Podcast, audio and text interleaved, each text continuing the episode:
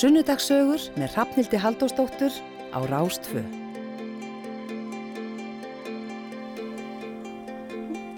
Já, komiði sæl í Sunnudagsögur. Hér hjá okkur á Rástfö á þessum ágæta sunnudegi. Það er 27. janúar í dag og ég heiti Gíja Holmgerstóttir og er svo heppin að fá að leysa hana Rafnildi Haldós af í dag. En uh, sunnudagsögurnar eru sendar út frá Akureyri og hér snjóar alveg voðalega fallega. Þetta er svona eins og eitthvað postkort hérna að líta út um gluggan en það er nú samt svolítið þungt yfir, það er nú ekki mikið skigni. En annars myndi ég nú segja að þetta sé óskup fallegt veður.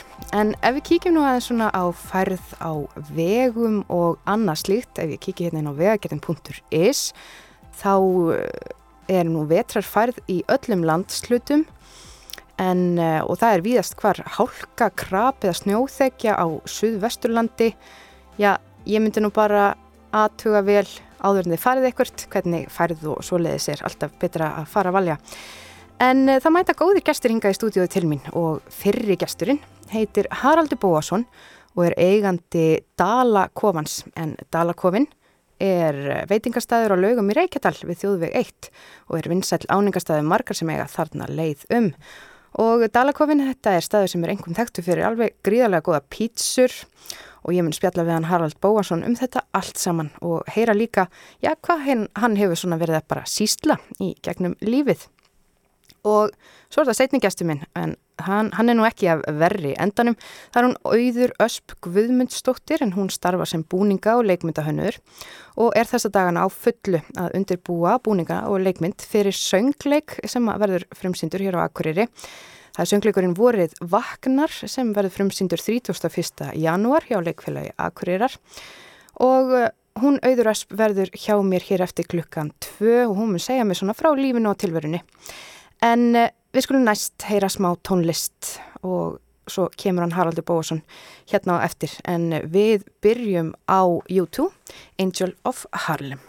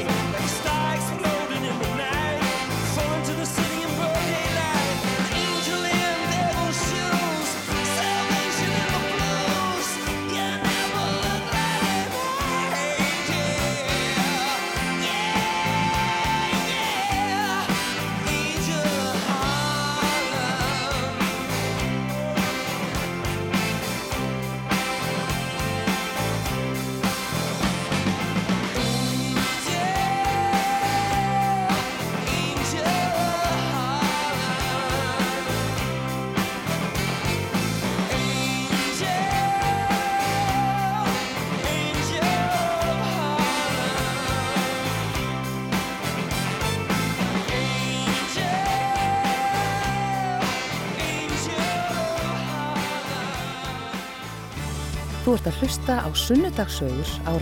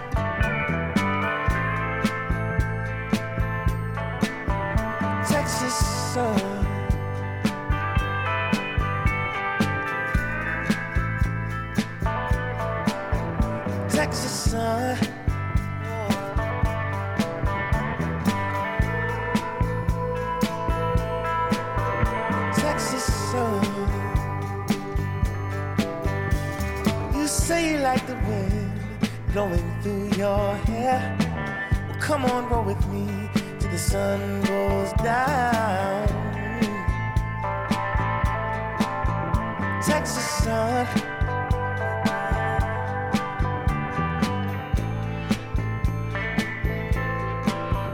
Texas sun. Oh, baby, you're so gorgeous. Rástfö.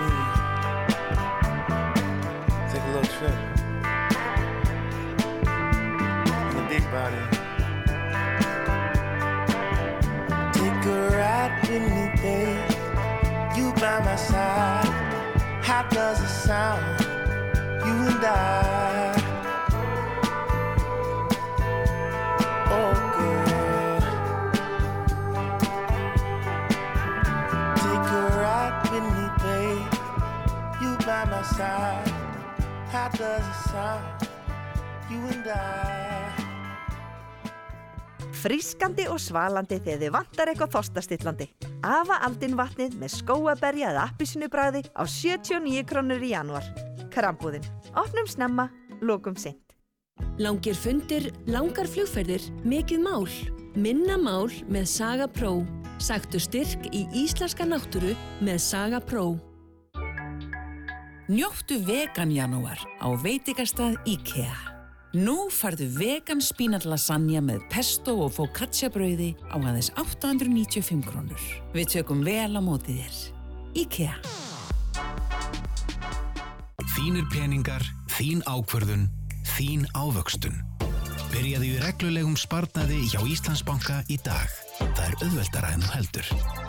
Góð þjónusta breytir öllu. Íslandsbanki. Heilsublað Netto er komið út stútfullt af fróðleik og tilbóðum. Allar tilbóðsverður má finna í vefverslun okkar á netto.is. Netto. Hefur þú komið á landnámsýninguna í Reykjavík?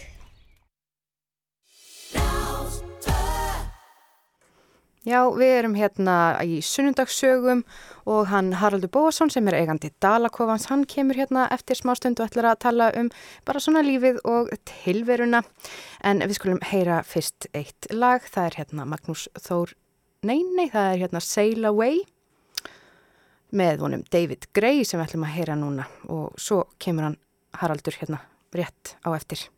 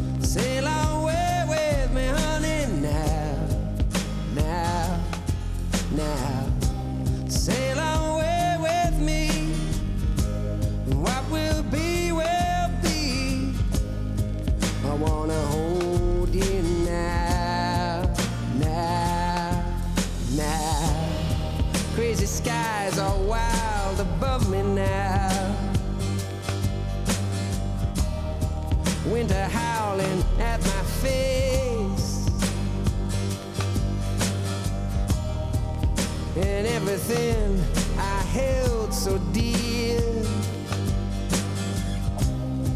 disappeared without a trace.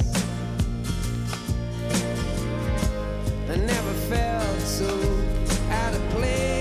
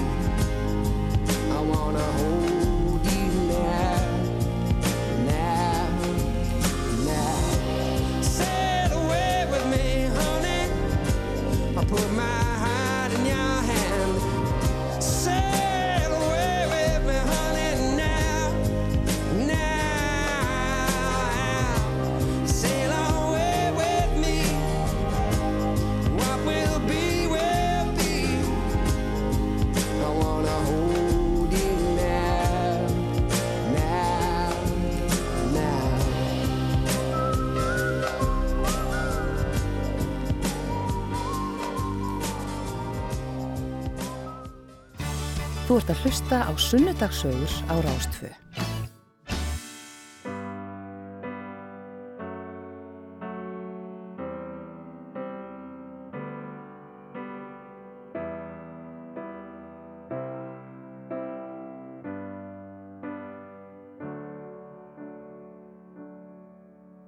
Sólinn brennir nóttina og nóttin slakkur dag Þú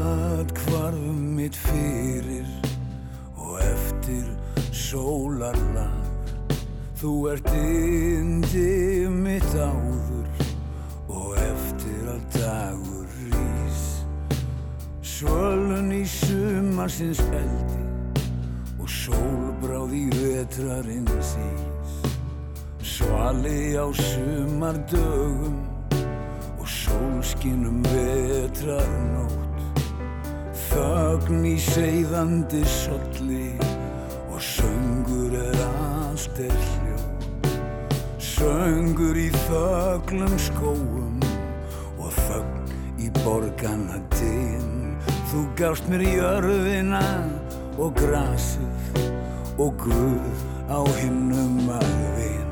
Þú gafst mér skíin og fjöllin og Guð til að styrkja mig. Ég fann eitthvað lífið var fagur fyrir en ég elskaði þig. Ég fættist til ljósins og lífsins en lærði ég að unna þér ást mín fær ekki fölna fyrir en með sjálfum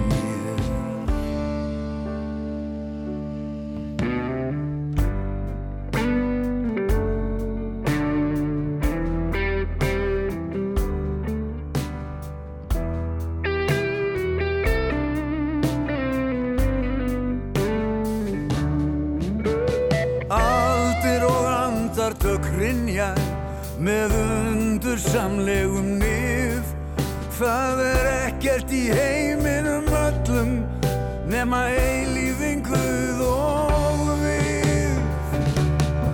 Þú gafst mér skíin og fjöllum og Guð til að styrkja mig. Ég fann eitthvað lífið var fagur fyrir en ég elskaði þig Ég fættist til ljósins og lífsins en lærði ég að unna þér og ást mín fær ekki fölna fyrir með sjálfum mér. Þú gafst mér skíin og fjöllin og guð til að styrkja mig. Ég fann eitthvað lífið var fagur fyrir en ég elskaði þig. Ég fættist til ljósins og lífsins, lærði ég að unna þér. Og ást mín fær ekki fólna fyrir með sjálfum mér. Velkomin í Sunnudags sögur.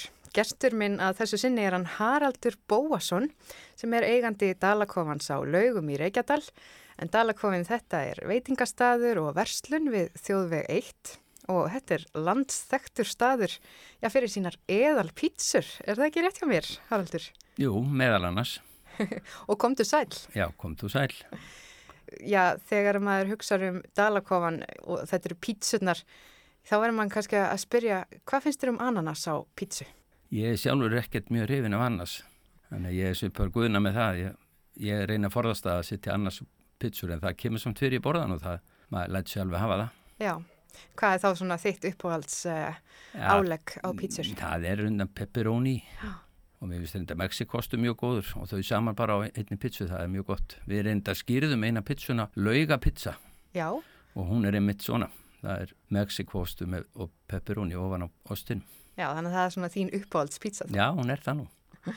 En uh, mér langar svona að heyra aðeins uh, af þér og um þig og, og, og hvað svona, hvernig voru þín uppákstar ár? Þú ert nú þarna af svæðinu. Já, ég er fættur og uppalinn í Míosveit og það rólst ég í, í voga hverfinu sem við kvöllum, það er segja, það er rétt sunna við Reykjálíðar þorpið. Það er, það er svona til þyrping af húsum og við vorum mörg að, á þessari þyrpingu, krakkarnir. Við sískinu er til dæmis nýju já, já. og á næstu bæum voru mikið að börnum á suppum aldri og, og, og ég já. og við. Þú kallar þetta svona húsaþyrpingu, hvað eru mörg hús þarna á svæðinu? Já, þegar ég var alveg statn upp þá voru þarna 8-9 húsi, en til þess ekki orðin svona 13-14 núna, það er búið fjölgað til þarna húsum. Mm -hmm. Þú kallar þetta voga hverfið? Já, við kallum þetta voga hverfið því að jörðin heitir vogar Já. og er þarna við, við vassbakkan. Og þú ert þá vogungur, Já. eins og það sagði við mig í síman þegar við tölum saman hérna fyrr. Já, er frekar reykjana því að vera vogungur. Já, hvað enginn er vogunga? Ég held að sé bara lífsgleði og, og og bara þeirra mjög gaman að koma saman og, og sérstaklega að syngja. Já. Söngur er svona þeirra aðalsmerki held ég. Já, er, er þú söngelskur sjálfur? Já, mjög. Já. Ég, ég er búin að vera að starfa í kóru alveg síðan ég var bara rúmlega 20 þá hefur verið í kórum. Byrjaði nú bara í kirkjukórum, það var ágætt líka og svo hefur verið bæði í, í blöndum kórum og er núna að syngja með Karlakórnum Reym. Já, já. Það er nú gaman að taka þátt í kórastarfi, gefandi starf. Já, það er mjög gaman. En uh, svona að fóreldrum þínum, uh, hverju eru fóreldræðinir? Já, mamma minn heitir Kristín Sifusdóttir og hún er fætt þarna í vóum og en pappi minn er Bóas Gunnarsson, hann kemur frá reyðafyrði og þau kynntust í laugaskóla já, já. Og, og fóru síðan bara og byggðu hús þarna í vóum já. og byggunum fyrstu árið sín bara með fóreldrum eða segja ömmu og afa en síðan byggðuðu sitt eigið hús sem heitir Stöðlar og það, það nafn var svo til reyðaferðar því að ætt pappa er frá Stöðlum í reyðaferði og það er mjög stór ætt. Og hvað kom til að, að pappiðin flist uh, og fer í lauga? Já, mér skilst nú bara að austfyrringar hafið sótt átti mikið lauga á þessum árum og ég held að flest sískinni pappa á þessum sem voru með mörg en, en á þessum árum hann er, pappi var vætu 1932 og hann, hans sískinni sem eru á Sippurólu þau fóru öll í laugar mm. ég veit ekki af hverju þetta verðist bara vera það var bara, var bara þannig Já og þar kynast foreldrariðinir og, byrja að búa og eignast nýju börn. Já. Þetta er dákóðu slettið. Það hefur verið líf og fjör á heimilinu. Já, ég held að alltaf við líf og fjörin og, og, og þau, við, við sískinin fyrstu átta við komum sem stöðl á tveggjar og millibili og reynda þegar ég fætist þá var annar önnur stelpa með í, í, í fartiskunni, hann er við, ég er týpuri. Já, og þú ert týpuri, er þið lík? sískinin? Nei, ég held að séum bara, bara enda mjög ólík en, en samt við S Svona ólíkir karakterir Já, ég held séum mm -hmm. bara mjög ólíkir karakterir Akkurat En uh, hvar, þú ert fættur 1960 Já Hvar staðsetur það þig í, í, í sískinahópnum? Þig og týpur og sýstur þín? Já, við erum nummið 5 og 6 Já Það komið 2 og eftir þarna bara 62 og 64 og svo kom yngsta sýstirinn ekki fyrir 73. Mm -hmm. Og hvernig var badnæskan? Hvernig var að alast upp, já þú talar um að það hefur verið fjölmenni þarna, mikið af börnum. Já. Hvernig var að alast upp við mývatn? Mér, uh, ég hef bara alveg mjög góða minningar um, um barnæskuna. Ég man bara, við vorum, við vorum í skóla á skútstöðum, byrjum þá í heimaðstaskóla en svo þegar, þegar leiða þá var farið að keira daglega en á sumurinn finnst mér alltaf að hafa verið gott veður og -hmm. við vorum bara alltaf út að leika okkur. Já mér finnst það, þarna voru raunin ofan við, þau voru svo stór leikvangur að við bara vorum þarna krakkandi bara oft klukkutími saman og við vorum ekkert að koma heim finn bara þegar við vorum svöng. Nei, og það var ekkert verið að skipta sér af okkur. Við vorum bara upp í raunum Já. að leika okkur, við vorum ekkert mikið út á vatni að því mann, en svo finnst mér bara að, að það var bara þetta var einhvern veginn svona samheldi samfélag, mér fannst það. Já. og menn hugsuðu bara allir hverjum alla Já, og raunin, þetta er nú, það er mikið af uh, gjótum og, og alls já. konar uh, gjám þarna, þið hafið rannsakað þetta alls saman. Já, já, stórluti leikjana var snýrist nú um það að, að fela sig fyrir öðrum, þetta voru einhverju leikjara sem vorum að fela okkur í gjótum og, og reyna að finna hinna og, en það ég held að aldrei verið haft áhugir á okkur. Nei, var kannski svona tíðarandin á þessum tíma. Já, ég held það. En uh, hvernig var svo, þú fórst í skútustaskóla, grunnskólan þar á mm. skútustöðum? Já. Uh, hvenar hérna? í áttundabekk þá fóru nánast uh, allir eða langflesti fórun í lögar. Einhverju fóru til Húsavíkur í, í, til að taka nýjundabekkin eða, eða tíundabekkin eftir hvaða var. Já, það er landsprófið. Já, það landsprófið, já. En við, týpur og sýsti mín, Ólöf við fórum til Rauvarhafnar þar var sýsti mín elsta að bjóð þar með manni síni sem heiti Kristján Valur. Og hann var prestur þar og hún var að kenna þarna líka í skólanu við meðal annars tónlist, hún er mikið tónlistakona. Já, og hvað heitir sýstíðin? Hún heitir Margrit. Akkurat, Margrit Bóastóttir. Já, og við vorum þarna semst hennan eina vetur á Rauvaröfn og ég hef nú bara mjög góða minninga frá þeim tíma. Hvað kom til að því ákveðið að, svona, já, gera ekki eins og hinnir, fara ekki á laugar eða húsavík eldur til Rauvarhafnar, annað það er sýstíðin bjóðar? Uh, ég man ekkert hvernig stóða því að þessi ákveðum var tekin, ég held að ég tók hann allaveg ekki við bara, þetta var bara talið góðu kostur bæði ódýrst að hafa okkur þarna hjá þeim og, og ég held það bara hafi verið það hefur kannski verið fjárhæslegur ég veit það ekki hvað það var sko en ég held að það hafi bara verið niðurstað sem ég er allavega alls ekki ósóttu við Mm -hmm. Já, það hefur nú verið kannski skrítið fyrir sveitastrákin og mývatsveita að fara til uh, sjáapláss við nýrsta haf. Já. Hvernig var lífið á Rauvarhöfn? það var nú á þessum tíma þetta er 75 og 6 þarna var nú heilmikið sjávarutur og við vorum eitthvað köllu út krakkarnir til að hjálpa til í fiskvinnslu bæði í ferskfisknum og líka í að pakka fiskimjöli, síldamjöli Já. og það var nú eitthvað aðeins en, en mér fannst nú þarna voru 70-80 krakkar í grunnskólanum og mm, þetta var bara mikið fjör og skemmtilegt Já, það hefur verið fjölmenn samfélag Já. á á þessum tíma. Já, Og fannst þið gaman í skólanum? já, já Mér er aldrei leiðst þannig að ég, mér fannst gaman þarna Hefur alltaf verið hefur, þá mikill námsmaður? Hefur námlegi fyrir þér? Nei, nei, ég er ekkert sérstakon námsmaður mér er ekki samt ga- gaman að vera innan um fólk og, og ég held ég hefði bara klárað námið svona bara án, án þess að vera með neina skömma því bara, ég stóðs bara það sem ég var það var fyrir mig að lagt en ég var ekki ekki- engin sérstakon námsmaður Nei. En uh, hvað svona, já, langaði til þess að verða, eins og maður segir, hvað ætlaði að verða þegar þú yrðir stór á þessum tíma? Þú ert búin hann með landsprófið. Ég held að reyndar að bóndadrömmurinn hafa alltaf verið í maður maður því að á mínum yngri árum í mjöðsett þá var voru föðu, það er að segja bræð mömmu þeir voru með fjárbú Já. Og mér fannst alveg rosalega gaman að vera í fjárhúsunum og var þar nánast bara öllum stundum þegar ekki var í mist skóli eða, leiksir Mm þannig að ég hefði mjög gaman að sérstaklega sauðbu- á söðburatímanum Já. Þannig ég hugsaði með mér að ég myndi auðvitað verða bóndi og, og ég ákvað þá að ég myndi fara í bændaskólan. Já. Og hvert fórstu í bændaskóla? Ég fór á Kvanneri og fór, fór einn veitur á Kvanneri og gerist búfræðingur og það, eh, það var reynda svolítið örlega á rukku tími vegna þess að eh, það er mér með minnist eftir að við fórum eina heimsókn eh, um, til Reykjavíkur og komum við í sko allir skólinn komum við í, á svínabúi upp í Mosulbæ Já. og þá hafði ég nú aldrei séð svín áður, Já, já. ekki lifandi svín. Nei, það voru ekki mörg svínabú Nei. á landinu á þessum tíma. Nei og ekki, og ekki allavega þarna þar sem ég bjó. Þannig að þetta vakti einhverja, einhvern áhuga hjá mér þannig ég hugsa með mér, það er nú gaman að, að gera svínabóndi.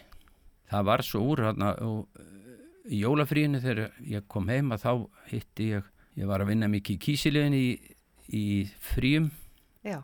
og þá hitti ég mann sem að bjóði til Danmörku og var líka í jólafrí, jólafrí þannig hann það barst eitthvað í talmið langa að fara að vinna við svín þannig að hann sagði ég skal bara senda auðlýsingu í bandablaði í Danmörku og uh, það sem þú vilt, vilt sækja vinnu á, á svínabúi já ég sagði ég og svo náttúrulega leið vetturinn og, og, og vorið og ég var fann að vinna í, í kísiliðinu hann um vorið þá allt inn kemur bref frá einhverju mann í Danmörku hann sem að hann býði með vinnu bara um haustið Já, já. þetta var 79 Já, og hvað ertu Ní- gammal þarna? þá var ég orðið 19 ára Já, þú ert bara 19 ára. Já, og ég, ég ákvað bara slá til. Þannig að það var úr, ég fór um hausti til, til Danmarkur og hafði náttúrulega aldrei komið til útlanda. Jú, er nú þetta vits, ég var, hafði nú farið eina ferð til útlanda áður en. þarna fór ég að leit til, til Danmarkur og, og Margaret sýsti mín í mann það, hún bað mig að, nei, hún hérna, hjálpaði mér að skrifa brefið tilbaka um að ég myndi koma og setti mynd að mér í umslæðið. Hvort það myndi koma að sækja mig út á Kastrup. Svona var þetta einfalt. Já, svo flög ég bara til Kastrup hérna í september og ég man, ég hugsaði þarna þegar ég var komin út nú ef að maður kemur ekki og segja mig hvað á ég þá að gera, ég var náttúrulega alveg að mínum að til alveg málaus Akkurat, talaðir skóla svona dönskuna eða Já, hvað? hún var náttúrulega einskisverði. Já, en kannski gæti babla eitthvað í ensku en allavega hérna var ég þarna um tíma á, á Kastrup og en býtu svo kom allt í einu maður með myndina og Já. sótti mig þannig að þetta átti greinilega að gerast. Þannig að þarna var ég heilan vetur í, á svínabúi, stóru svínabúi í Danmarku og hvar eh, var þetta í Danmarku? þetta var hana, á Norðursjálandi svona mitt á milli Helsingur og, og Hillruð Já, þarna við flott fallit vatn sem heitir í Esurumsu og ég, þarna var mjög gaman, ég, ég lærði þarna heil mikið í svínafræðum.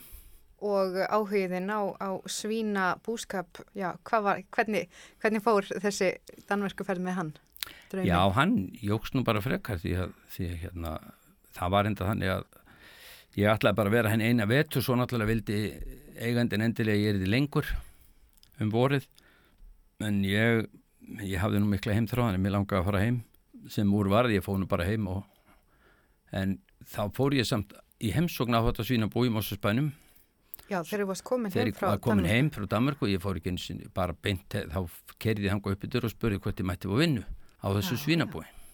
og það var bara tekið í það svona bara því að það var ekkert laust. Þannig að það var bara satt bara aðtóa málið þannig ég fór heim í mjósveit og vann þar um sumarið. Já.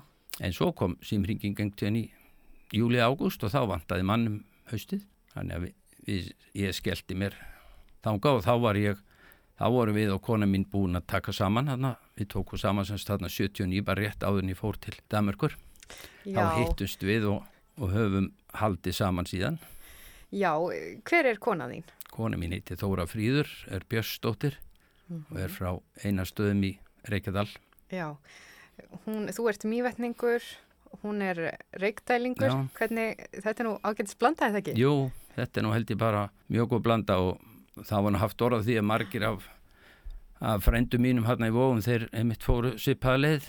Já. þeir fórun í Reykjadal einmitt að sækja sig konur eða þá að eða, eða öfugt.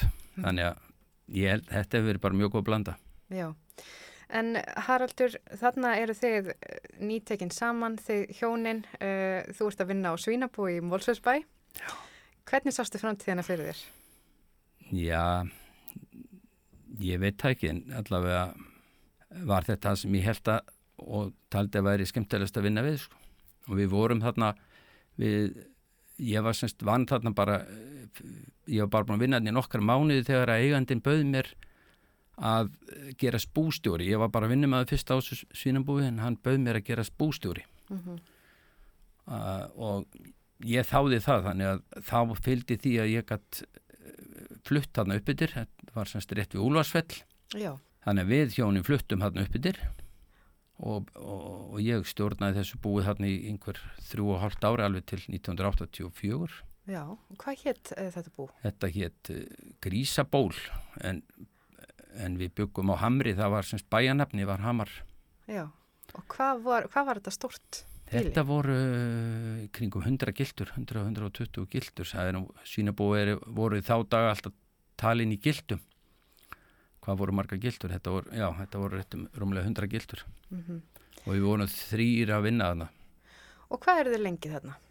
Við vorum þarna til 84 þá eignust, við eignust okkar fyrsta barn hérna við eigum semst fjögur börn og, en þá var mér bóðin vinna í Mývarsveit e, og það í fyrirtæki sem, a, sem heiti Léttsteipan og, og pappi hafði nú unnið þarna fyrstu árun sín í Mývarsveit hann vann við þetta fyrirtæki rótgrói gamalt fyrirtæki þannig að e, ég eiginlega sló til að við skildum bara drífa okkur norður og taka við þessu fyrirtæki Já, þannig að þeir tókuð við fyrirtækinu.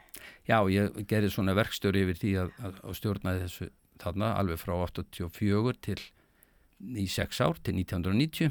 Já, þannig er þú búin að vera eh, sko, ekki búsettur í Mjóasveit þar sem að þú þetta bara ólst upp í mm -hmm. einn fimm ár. Já, fjögur fimm ár. Fjögur fimm ár, búin að fara til Danmörkur og svo í Mósalsbæn. Hvernig var að koma heim aftur?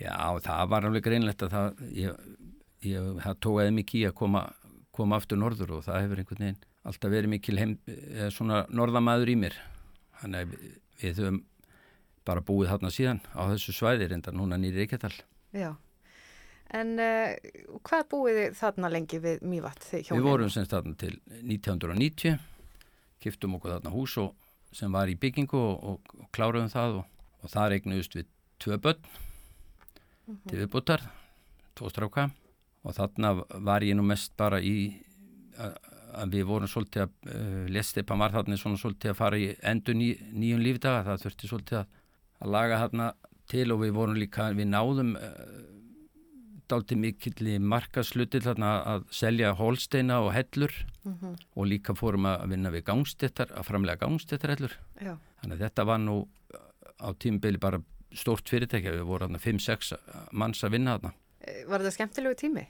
Já, já, já, þetta var allt skemmtileg tími. Þarna var, maður líka, tók maður mikið þátt líka í, í félagslífinu, bæði í Íþróttafélaginu. Ég var þarna á tímubili formaður Íþróttafélagsins sem, Já, já. sem er enda búin að saminast mývetningi núna. Hann hétt, það hétt Íþróttafélagið Eilífur Mm.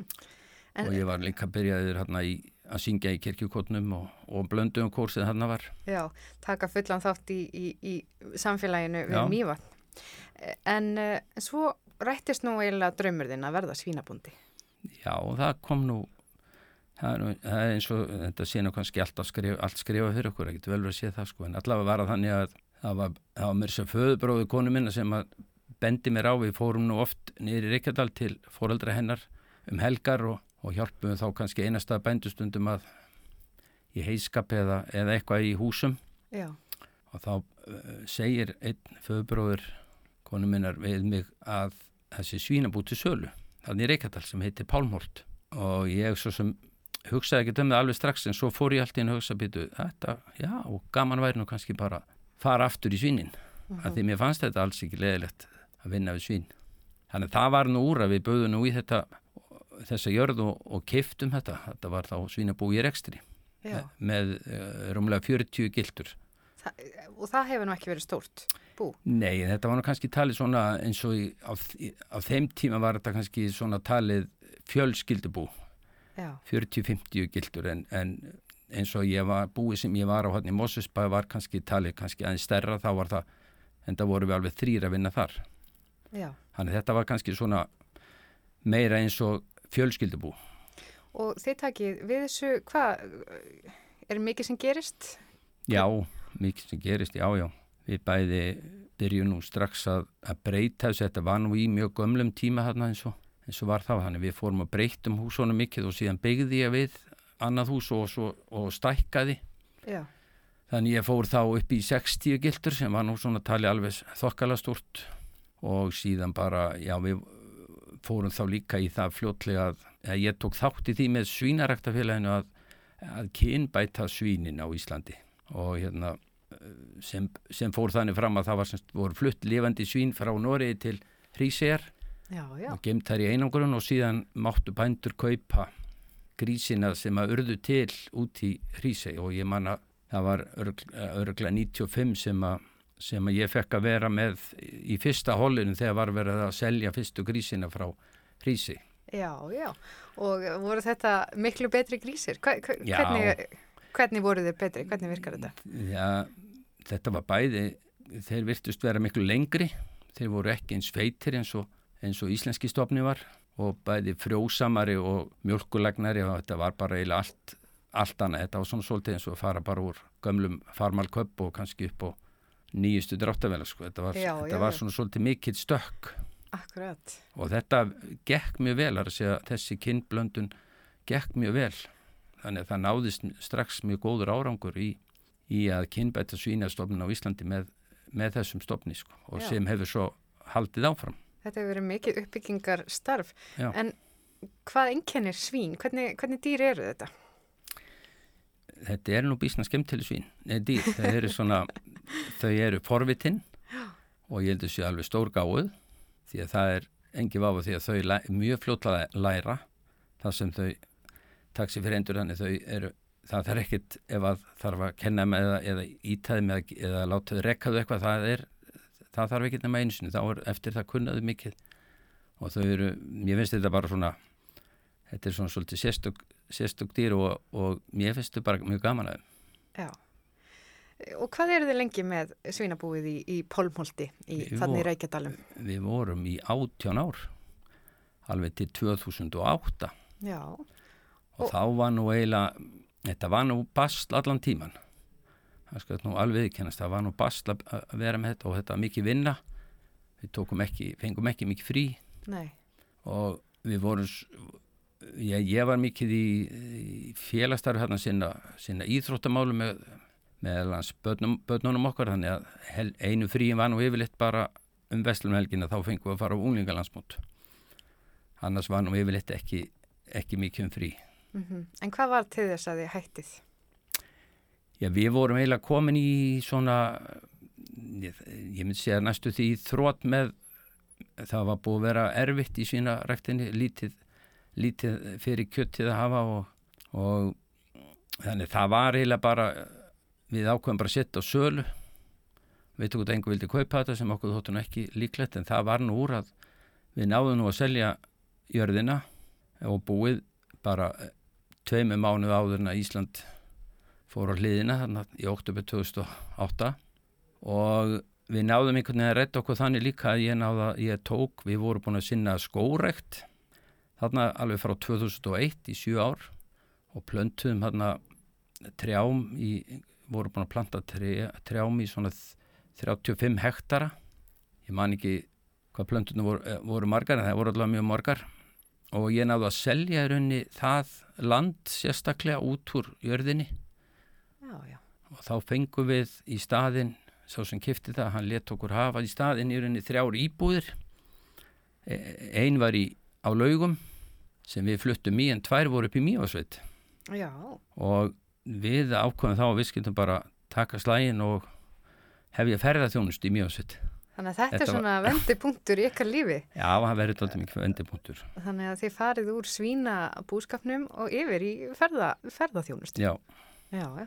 Þetta er áhugavert Haraldur Bóasson, eigandi í Dalakofans á laugum og þarna eru þið komin út í, í, í ferðaþjónustana og við skulum ræða það í setni hluta þáttarins. En nú ætlum við að heyra stuttarauðlýsingar og svo eitt lag. Ekki missa af stóru pottaplöntu útsölunni í Blómavalli. 20-50% afsláttur og ótrúlegt úrval. Blómavall. Heitlandi heimur.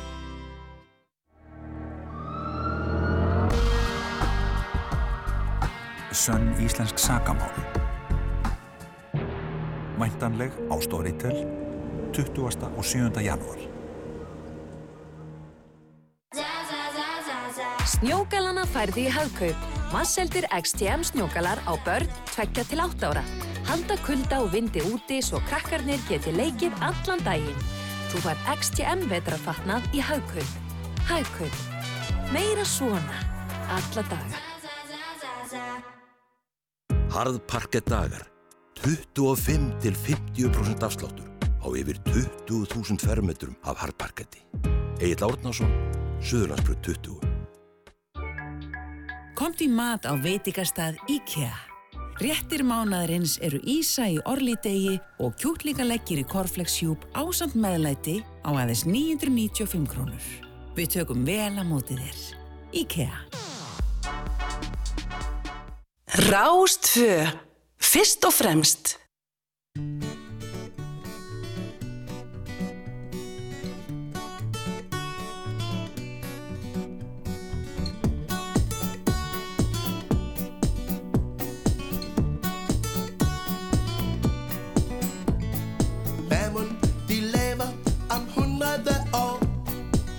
Hvis altså verden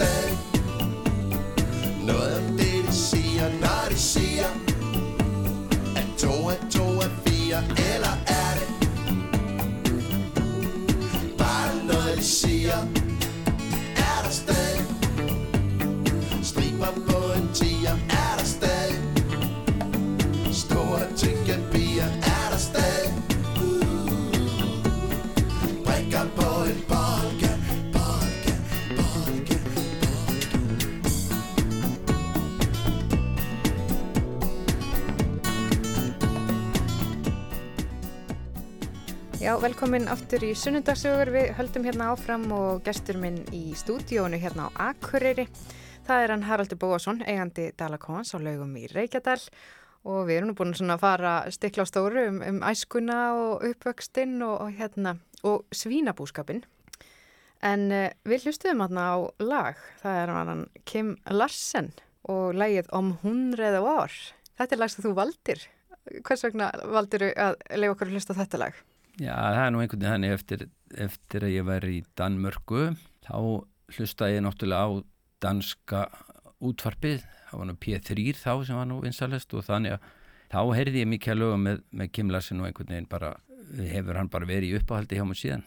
Þannig að ég valdi þetta lag, mér finnst þetta svona eitt af flottar lögum sem hann hefur gert en, en þau eru mörg, mörg önnu mjög, líka mjög flott Mm Hann er litriku karakter. Hefur þú farið á tónleika með honum eða séðan?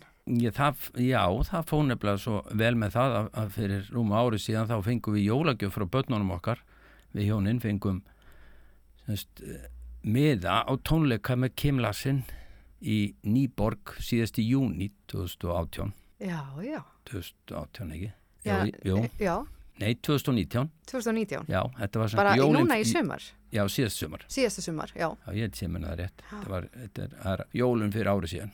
En síðan komið fréttir af því eftir áramótinu, hann hefur grinst með krabba minn og, og væri búin að aflýsa öllum tónleikonum alveg fram á vor. Þannig að við vorum fann, orðin svona stressu yfir því að kannski myndi kallin ekkit geta haldið þessa tónleika. En svo var það úr að hann hrestist og, og við fórum þarna, tókum okkur þrjá dagi frí og flugum til Danmarkur og fórum á þessa tónleika inn í borg síðast í júni og þetta var alveg stórkastlegt þó að kallin væri nú orðið aldrei framlár og, og gengi við staf en þá var, þá var hann alveg frábær. Já. hann söng alveg gjössan eins og bara eins og hann hefur alltaf gert. En svo dóan bara stuttur svo síðar. bara dóan stutt senna Þið hafið verið, já, Já, ég held, hann, hann, hann, ég held að það hafi meiri sér verið fyrstu tónleikarnir hans eftir, eftir þetta hlje eða semst þegar hann tók sér þetta veikindel uh, hlje og svo held hann eitthvað nokkra tónleika á eftir Já. og hann dó bara held í ágúst En þú talar um að þið hafið náð þarna að taka ykkur þryggja daga frí því hjónin. Þið hafið unnið rosa mikið gegnum tíðina og, og já, svínabúinu og svo farið þið út í, í ferðamannabransan. Já. Þannig að 2008 þegar, eftir að þið seljið jörðin ykkar, Pálmóld. Já, já. Hvernig, hvernig var það? Hvernig var að skipta yfir að, að vera bóndi og svo að fara í ferðamannabransan? Saknaður, saknaður ekkert að vera bóndi? Nei, veistu að það var nú einhvern veginn ég saknaði sig neitt, mér fannst þetta bara mjög spennandi. Við vorum reynda bara, við vorum í gistingu og morgumatt þarna í, í, í tveimur húsum í, í Mjósveit, bara í Reykjavíða þorpi og, og við reyndar áttu náttúrulega heiman í Reykjadal, þannig að við kerðum bara mjög mikið á milli. Já, já. Það var reynda bara mjög góð tími, við vorum oft snemma bara á fættur á mótana eða við reyndum að gista upp frá ef við, ef við gátum það. Vitið, þið búin er í Reykjadal og íbúðunar eru við Mývatn. Já. Já. Og þið keirið á milli. Já, einmitt. já, við kerðum með mikið milli. Þetta var nú yfirleitt bara sumatími, svona frá mæ og fram í, fram í Já. september. Og, en við unnum þarna bara alltaf allt sumarið, það var ekkert, við vorum ekkert að svo sem að fá okkur aflýsingu í því. Þetta var bara sumavinnan okkar. en þetta var samt mjög skemmtilegu tími og, og hérna Voru, voru bönnin ykkar ennþá heima þarna? Er öll fjölskyldan þá í þessu? Eða? Nei, þau voru nú, þau voru nú komin svona í aðra vinnur allavega, þau voru ekkit heima nema bara, neini, þau voru komin til yngri tvö fóru bara til Danmarku fljótlega eftir að þau voru búin með stúdinsprófið á lögum, þau, þau fóru endur öll bönnin okkar, fóru í framhaldsskólinu á lögum og tóku stúdinspróf þar. Já, já. Það er nú luxus að hafa framhaldsskóla bara í bakkarðinum. Já, að, já. Það er nú ofta að landsbyggaböld þurfa að fara mjög langt til að fara í skóla. Akkurat, það, var bara mjög gott og þau hafa mjög góða minninga frá þessum skóla en það er mjög góður. Já. En það, já, þarna þetta voru, þess, við vorum í fjögur ár með þessa gistingu hann upp í Mjósveit og svona á síðasta árið þegar var vittavið með þegar maður sækir um svona starfslefi þá gildi það þá bara í fjögur ár Þannig að við ákvæmum það nú að við myndum ekki reyna endun í að starfslefið. Þannig að við vonum fann að hugsa hvað við ættum þá að gera eftir, eftir þennan tíma. Þannig að ég hafði reynda komið að, að Dalakónum sem ekki hétt nú reynda Dalakónum þá, hétt uh, Laugasel á undan Dalakónum. Já. Og ég hafði því að ég var nú á þessum árum komin í Sveitastjórn, í, fyrst í Reykdalreppu og svo í Þingasveit. Já, já. Og sveitafélagið með Sparisunum ákvaða að stopna félag og reyna að, og nokkrum einstaklingum að, að, að hérna, stopna félag til þess að reyna að halda áfram rekstri í, á laugum hérna því að þeir sem voru þar áður voru búin að loka og það, þetta gekk ekki nóg vel. Já, sem að, sem sagt, í þarna í Dalakónu sem já. kallaðist lauga sel, áður. Já. já. Þannig ég hafði raunni, ég kom að stopnum þessa félags og varð stjórnaformað til að byrja með og og þannig við vorum svona að reyna að fá aðeins til þess að reyna að rekka þetta Já. það gekk nú svona misvel þannig að það varð úr að þegar ég var svona aðeins búin að ég var búin að sjá svona einhverja pappir kringum og hugsa með mér að, og við að kannski væri bara best að skella sér í þennan business og, og sjá hvort þetta geti gengið Þannig að, að þið fóruð í reksturinn? Já, það varð úr að þegar við hættum í, hérna, í, í, í gístinguna upp í mjösitt eða reyndar áður að þá þá ákveðu bara bjóða í öll hlutafélaginu í þessu félagi og, og hérna kaupa félagið Já. og það var samþygt þannig að síðan höfum við átt þetta og, og þá var enda búið að skýra þetta dalakofan áður. Já, já, þannig að við höfum, þetta var 2011 sem við, sem við kiftum þetta. Þeir eruð ekki hrætt við að prófa nýja hluti og fara nýja leiðir? Nei, ég held að nei, ég hef verið feimið við það. Mér finnst það bara, það er alltaf áskorun að bara prófa að takast á eitthvað nýtt. Já En Haraldur, þarna er þið komin með Dalakofan uh, upp í hendunar. Hvernig staður er Dalakofin? Já, hann er nú bara veitingastadur og þar voru 50 sæti og síðan lítil verslun sem við kvöllunum bara svona eins og, eins og lítil sveitabúð sem við reyn, reynum nú að hafa svona allt sem, að, allt sem en helst þurfa. Ekki mikið, kannski ekki marga tegundur af hverju en, en helst eitthvað af öllu. Já. Þannig að við byrjum þarna 2011 og, og, og börnin okkar hjálpuð okkur enda mikið til að byrja með bæði að koma þessu svona af stað. Það þurfti, það, það þurfti heilmikið að gera bæði að koma af stað til með matseðli og reyna að koma þessu á netið, búið til heimasýður og... Mm -hmm. Öll markasetningin. Já, öll þessi markasetning og ég hef nú sem betur verið notið góðs af börnunum og við með þetta því að eldri sonur okkar hefur nú hefur það aðtun í dag að búa til heimasýður Jæja. Þannig þetta var ágættis hérna, ágætt að hann fekk þetta verkefni og, og, og hinn sonur enda líka.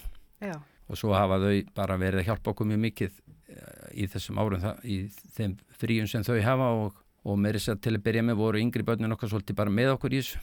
Já, og hvernig hefur gengið frá því tóku við uh, rekstrinum þannig árið 2011?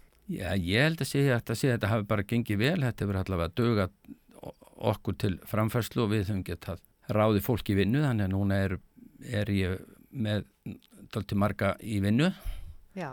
það eru svona við erum svona 5-6 fastráðin og svo er ég með á veturnar hef ég lögaskóla nema Já, þú finnur starfsfólki í framhaldsskólanum. Já. Það er nú ansið sniðt Það er held ég okkur, það er bara mjög, mjög gott bæði fyrir okkur og vonandi þau líka þau þau geta komið og, og haldið opnum tímanum okkar lengri þannig að við getum haft opið lengra fram á kvöldin því við myndum ekki endast kannski alla daga svona þó var reyndar ég vinni vinni nú flest alltaf daga en, en þá þýð, það ekki að aðri gerir það.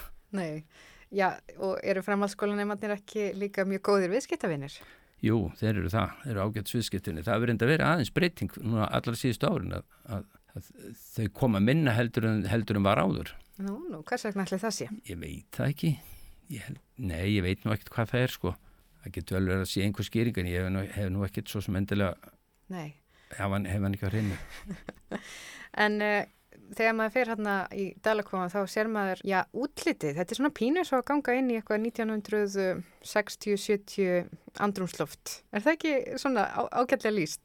Jú, það passa líka alveg því að húsið er byggt sex- 1964 og, og eh, við hefum kannski ekkert mikið verið að auglýsa það en, en eh, inn, innan hús arkitekt þessa hús var Sveit Kjærval sem nú svonur gamla Jóhannsa Kjærval og var hann, átt, hann hefði held í orðið 100 ára núna í fyrra 2019, hann var fættur 1919 og Já. það var einmitt verið að halda einhverja síningu fyrir sunnan þar sem var verið að, eh, sína hans muni og tekningar Já.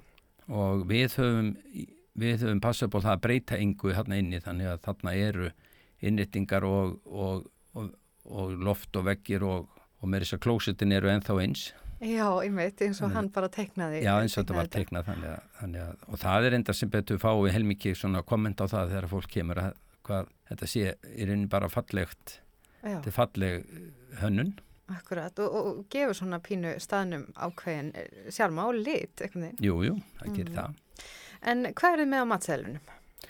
Sko, við erum nú með sko, við erum með pitsunar svo erum við með við erum með svona, við skulum segja við segjum svona hefbundin matsölustæður við erum með hambúrgara og við erum með fisk og við erum með, á sumrin þá fjölgum við nokkuð réttunum, þá förum við svona í fítni réttin svo, svo kótelettur og, og sílung sem við Veiði hann sjálf eða Nei, hvað fáði hann? veiðum það reyndar ekki sjálf en, en ég hef sett það sem motto að hafa, hafa fáan úr vestmannsvatni þar sem ég veiti með en ég var bóndi í, í Pálmholti þá, Já, já. þá veiti ég mikið sílungu í vestmannsvatni Já, vestmannsvatt, það er þá í Reykja. Þa, það er ekki að dalni á þannig ég fæ sílung þaðan frá góðu bónda sem þar Mhm. passar að ég verði aldrei uppi skorpa með sílung Já, þetta er örgulega besti sílangurinn á landinu, er það ekki? Jú, við, við höldum því fram og svo hef ég samtið við eitt bónda í Reykjadalum að hans útveða mér allt nautakjött í hambúrgarana það er í vallakoti og það er við fáum mikið hól fyrir þessa hambúrgara þetta er svo gott, gott kjött Mhm. svo hefum við nú bara við fórum strax í það að vera með hérna, rétt dagsins í hátinn og virkudónum og það hefur bara gengið ágætlega Já.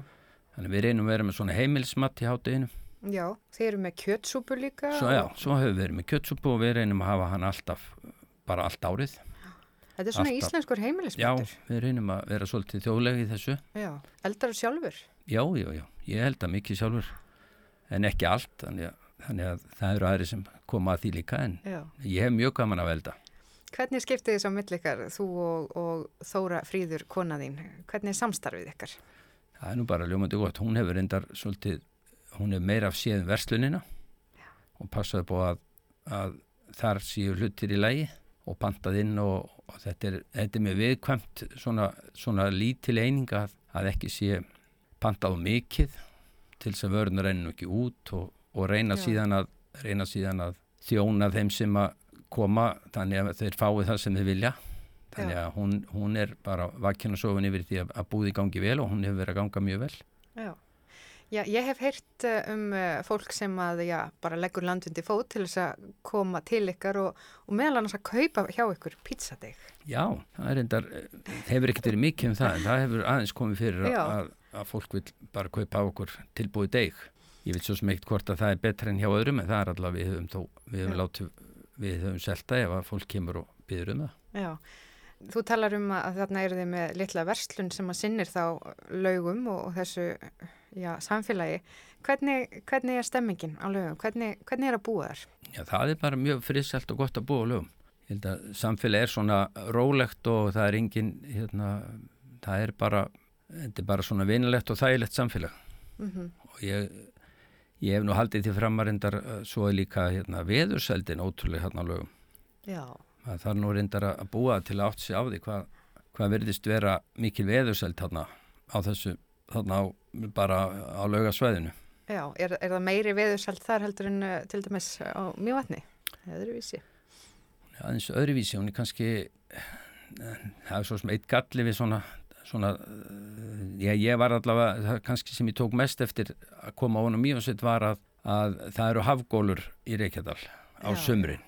Það er miklu meira um logn í mjög sett á sumrin þegar eru hafgólanir í dölum Já, akkurat.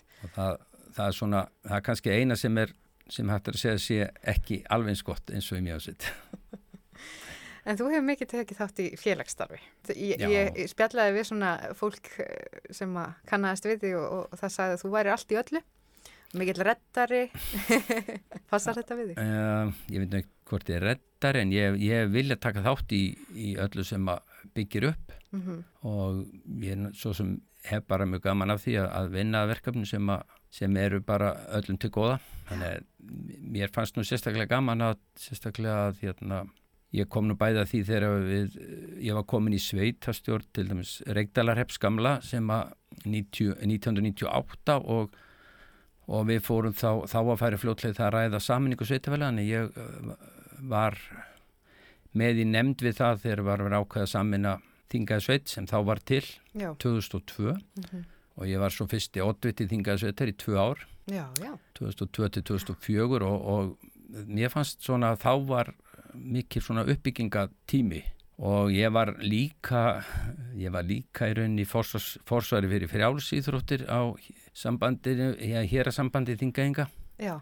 Og um, ég var held ég svona einn af þeir sem ítti mest á það við skiltum sækja um unglingalandsmót og hafa það þá á laugum því að þá var komin svona von til þess að við myndum geta fengið sundlög nýja sundlög í, lög, í lögar lög, við lögaskóla Já.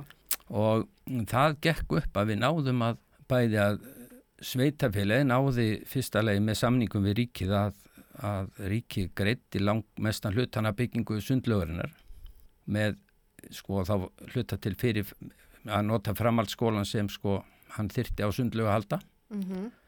og síðan með tilkomið unglingalandsmótsins 2006 þá þá náðist líka samkomalag um að við myndum byggja upp íþróttuvöllin Já. sem var svo gert þarna 2005 og 6 þar sem að hann var lagðu tartan efni allan ringin og, og byggt vallarhús Já. og Þannig að þetta hefur haft mikil áhrif á, á, á já, svona innviðina hjá ykkur. Að gera þetta. það var það mikið og, og þarna voru við komin bara eiginlega með besta völl á Norðurlandi það var ekki komin einn völlur hér á Akureyri til dæmis svona með tartanbrautum þá Mhm. það kom svo rétt á eftir sko Já. og mér fannst þarna, þarna náðu við svona að, að já að koma þessu svæði svona í mjög góðan á mjög góðan stað Já. Eh, Svo nefndur líka að þú tekur þátt í kórastarfi og já. Já. þú segir að hérna þín ætt og, og, og fjölskylda þið eru mjög söngelsk og, og það er mikil músík. já, Hvernig hefur verið og í hvaða kórastu? já núna er ég starfandi í Kallakonum Hreim Já. en ég er búin að vera að starfa í náttúrulega í öðrum kórum áður og ég hef bara mjög gaman að syngja í kórum Já. Ég er ekki einsungar, ég hef bara mjög gaman að syngja í kórum Og hvort ertu tenor eða bassi? ég er bassi, kallast Já, já. fyrsti bassi í Kallakór Já. og mér finnst bara að þessi félagskapur er bara mjög skemmtilegur og, og, og ég hef í rauninni bara alltaf haft gaman af að, að syngja og þetta er sem betur verið er þetta þegar við komum saman, ekki síst sískininn ef við komum saman sem er nú ekkert mjög ofta við náum öll að vera saman við erum eins og ég sagði nýju Akkurat. að þá náttúrulega er aldrei farið, farið fyrir búið að syngja þetta alltaf mörg lög og það er náttúrulega alltaf í fjóru röddum Já, þið náðu því alveg. Já, já, já, við erum með nokkra í öllum röddum sko, þannig það er ekkert vandamál. Það er svo góð skipting í því því við, þó við bræðunum séum fjóri þá eru tveir bassar og, og tveir tenor. Já, þetta er Og svo eru, ágætið skipting. svo eru hérna, máar, máar mínir, þeir eru bæði bassar, tveir, tveir bassar og, og tveir tenor. Já, og hittist þið þá í, í, í vogakörfinu við Mývat kannski og á, á björnstum sumarnóttum. Já, reyndar ekkert mikið það reyndar, það er, en við höfum, við höfum, við höfum sískinin reynd að hittast öll saman einu sinni ári og höfum náð því núna í daldi mörg ár og tökum þá einu helgi frá og erum bara saman og, og skemmtum okkur og borum góðum mat og segjum sögur og, og syngjum. Já, En þetta hefur verið bara mjög, mjög skemmtilegir, skemmtilegir tímar. og hvernig lög syngið helst? við syngjum nú langmest bara uh, fjórrætta lög, ímist kirkjulög eða, eða, eða svona uh, lögur sem kalla vannu gamla þetta fjárlögin, það er að segja svona ættjarðalög og, og, og bara falleg fjórrætta lög. Já, það er hérna, það er gaman að syngja saman í hóp. Það er verður einhver, einhver svona orka. Kannastu við það? Já, mikið. Mér finnst þó ég hef nöndar ekki farið á, ég held að það sé mjög sérstatt eins og ég hef nú farið mjög reglulega á Þorrablót í Mjósett og, og reyndar Húsavík og, og Reykjadal náttúrulega og fleiri stöðum að þá er svona, það er öðruvísi sönghefði í Mjósett heldur á mörgum öðru stöðum þar sé að það er nánast allt sungið fjóradal. Já, já. Og það er mjög rík hefð fyrir fjóradalsöng og þetta þykir mér alveg sérlega skemmtilegt. Þannig að þið hafið svona gott eira fyrir að, að ratta. Já, ég held það. en segðu mér, nú er þið búin að vera með Dalakofan í hversu mörg ár? Hvað er þið búin að vera lengi með? Uh, nýju. Nýju ár? Í haust verður þetta árið nýju ár. Já, og hvernig sér þið framtíðina fyrir þér? Já, það er alltaf spurningin. Nú er ég kannski svolítið vanda hvernig ég sé þeim fyrir mér. Ég, ég gandaðist með til þegar þeir voru búin að vera sjú ár og þetta var búin að vera svona vaksandi á hverju ári alltaf meira og meira að gera og þá hugsaðum með mér gamla dag að tala um fyrst kemur sjö og ég myndi bara ekki hvort það voru mögur eða feit þannig að það var spurningi hvort að eru þá að koma mögur ár næsti eða feit ár en, en allavega e, veit ég ekki hvort við verðum í 14 ár en, en við erum allavega farin svona að veltaði fyrir okkur að við þurfum allavega eitthvað að draga vinnu Já. og maður veit svo sem ekkert hvort að hvort að maður selur þetta eða hvort að eða hvort að maður færi einhvern að, annan aðeins en við erum allavega ekkert búin að taka henni ákvörðun en, en ég er alveg til að fara að draga aðeins mér úr vinnunni því þetta er náttúrulega búið að vera svona óþálega mikið vinna á manni Já. ég finnst þetta mjög gaman í vinnunni þannig það er ekki það að finnst þetta leðilegt en, en manni fann að langa meira kannski líka að ferðast meira skoða meira Akkurat og er þá einhverju svona áfangistæðir sem þið hafið í huga að langa, langa til þess að fara á? Nekkit kannski einir, einir ég, ég hef reyndar of lítið og við farið um Ísland. Já. við fórum náttúrulega hér á árum áður þá fórum við á unlingalandsmót með börnun okkar. Og þá fórum við á þá staði þar sem unlingalandsmót voru. Mm -hmm. en við höfum ekki mikið farið kannski á aðra staði þannig það er svona eitt, eitt af verkefnum reyna kannski að skoða meira af Íslandi Já, okkur finnst þetta mjög þægilegt að þegar við fáum frí sem er nokkið mjög oft og við tekjum okkur frí kannski á haustin og aftur á vorin ef, að, ef við getum að þá höfum við yfirleitt drifið okkur til heitar landa og, og kvílt okkur bara. Einmitt. og verið bara í rólega heitunum og, og kúpla sér bara alveg út. Já, en núna viljið svona já, ferðast meira og gera meira hafa orku til þess. Já, og það var held ég bara líka allt til að bæta því við. Já. Þó sér indar mjög þægilegt að fara, fara og slappa af í heittari löndum. Svo sagður mér líka í síma að þú var í Liverpool maður. Já, já. Hefur þú farið á leik með Liverpool? Ég hef nefnilega ekki enn farið á leik með Liverpool. Það er svona, það er, það er komið í hérna á kortið. Það var aðeins möguleik ef við myndum hafa farið núna eftir áramótin. Ég sé ekki að það takist nú en við langar að við að komast í haust allavega. Já. Næst, á næsta kefnistímbi langar mig að komast í að þeir náttúrulega eru alveg í superformi núna þannig að ég er búin að halda mig Leopold náttúrulega frá því ég mann eftir mér. Þannig að nú loksins getur maður talað opinbellega um það því þeir eru svo góðir. Já, ef það er eitthvað tíman tækjafæri fyrir Leopold menn að fara á góða leiki þá er það núna. Ég held það nefnilega, held það nefnilega. og vera ánaðið með sitt lið. Já. En um, já, þú ert hérna á Akureyri. Núna, ert bara að fara að bruna aftur já, já. til lauga. Já Hvernig, notar þú göngi mikið? Allar fara göngin? Já, já. Ég var mikil stundis með að göngin væri byggð og, og hérna, ég, ég sé ekkert eftir mér að, að kaupa mig í göngin. Mér finnst bara, þetta er bara svo frábæð samgöngubót að það er engu, það er, ég, ég finnst ekkert vandamál að, að borgi sér göng. Nei. Það er búið að vera gaman að hafa þig hérna í hljóðveri á Akureyri Haraldur Bóasson, eigandi Dalakofans og já, bara allt múlið maður. En við ætlum að klára þetta á einu lægi sem að þú valdir. Það er Paul Simon. Hvaða lag er þetta? Já, þetta er lag sem ég heyrði bara þegar ég var unglingur. Ég heyrði þetta lag fyrst á, ég mann ekki alveg hvernig stóð því en það var bara, ég held að það verið til plata heima með þessu, með þessu lagi. Ég er þó ekki alveg, en þetta er allavega lag sem heitir Kóta Króm. Mm. Og ég bara hef verið mjög hrifin af þessu lagi en svo hef ég ekki hirt þetta í mörg ár svo núna eftir að eftir að þessi tækni kom í að maður getur farið inn á Spotify Já, þá er bara hægt að fara að velja uppáhaldslögin og þetta lag er, er, er á lagalistan mínum Já, já, þannig að Kodak Crow með Paul Simon er í sífældri spilun hjá þér. Já. Og það er þá bara vel þess virði að klára þetta spjallakar á þessu lægi. Þakka þér kærlega fyrir komuna hinga í hljóðverðu og akkurýri. Já. Haraldur Bóasson. Takk sem leðis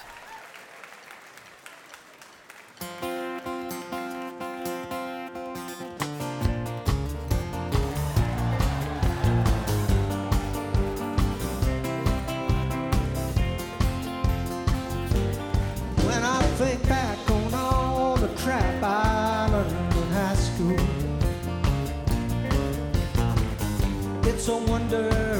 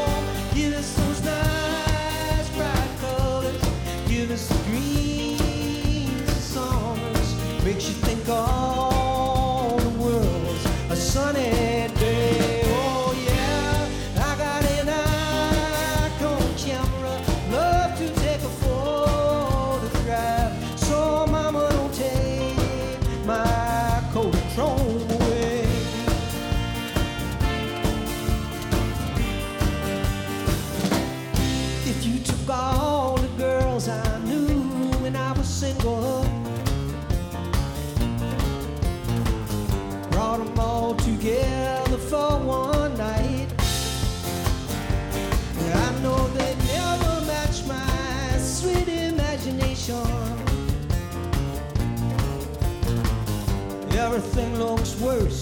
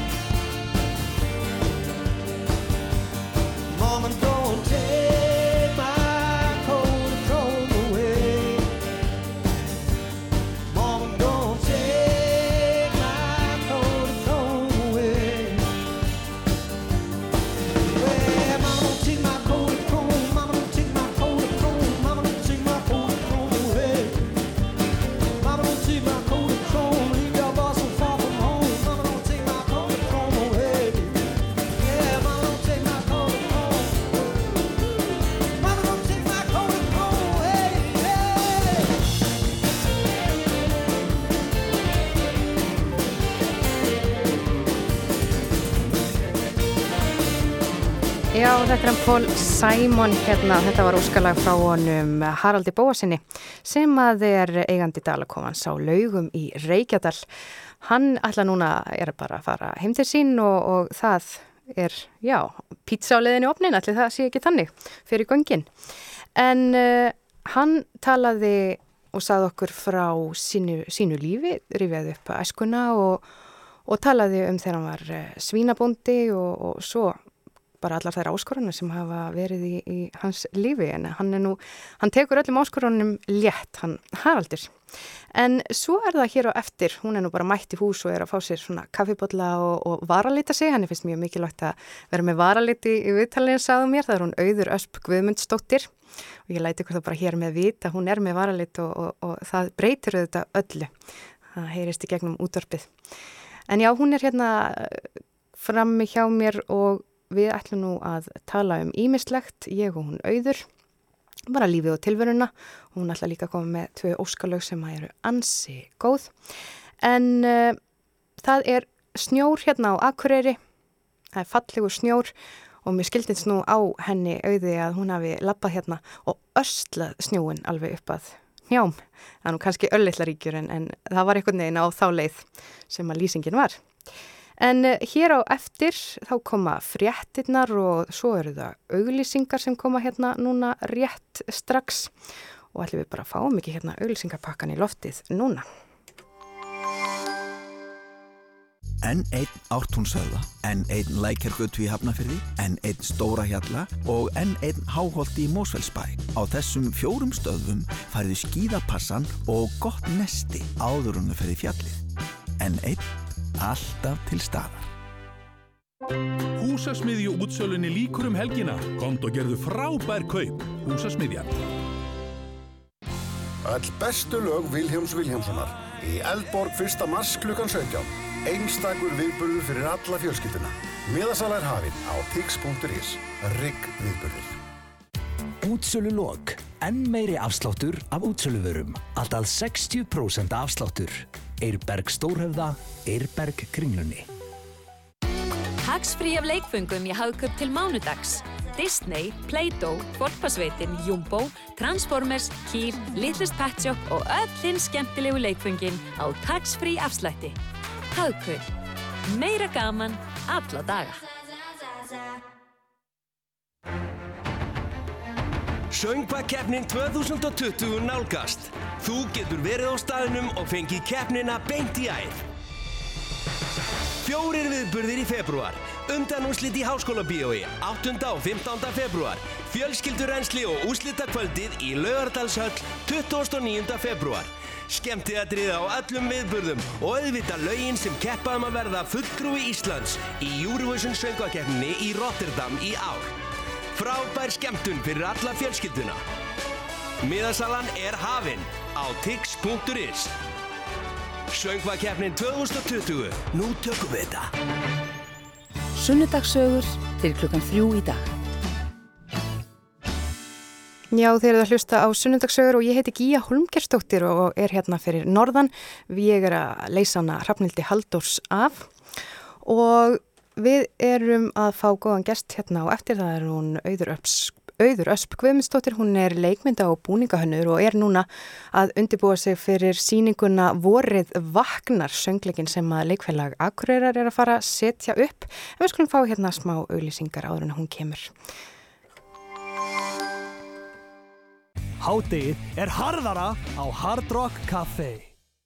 Ef svefnherbergið er í lægi þá er kettlingin í lægi. Á ég að dansa. Engillin. Hverstagslega surrealísk leiksýning byggð á verkum Þorvaldar Þorsteinssonar. Miðasala á leikhúsið.is. Þjóðleikhúsið. Hefur þú séð kjúkling í íþróttafötum? Nú er EM í handbolta og KFC er komið í íþróttafötur. KFC í íþróttafötum. Kauftu lífskorn strax í dag. Millan. Hafbjörg. Ný fiskverslun í Hjallabrekku 2 Kópói. Frábær opnunatilbóð Hafbjörg fiskverslun.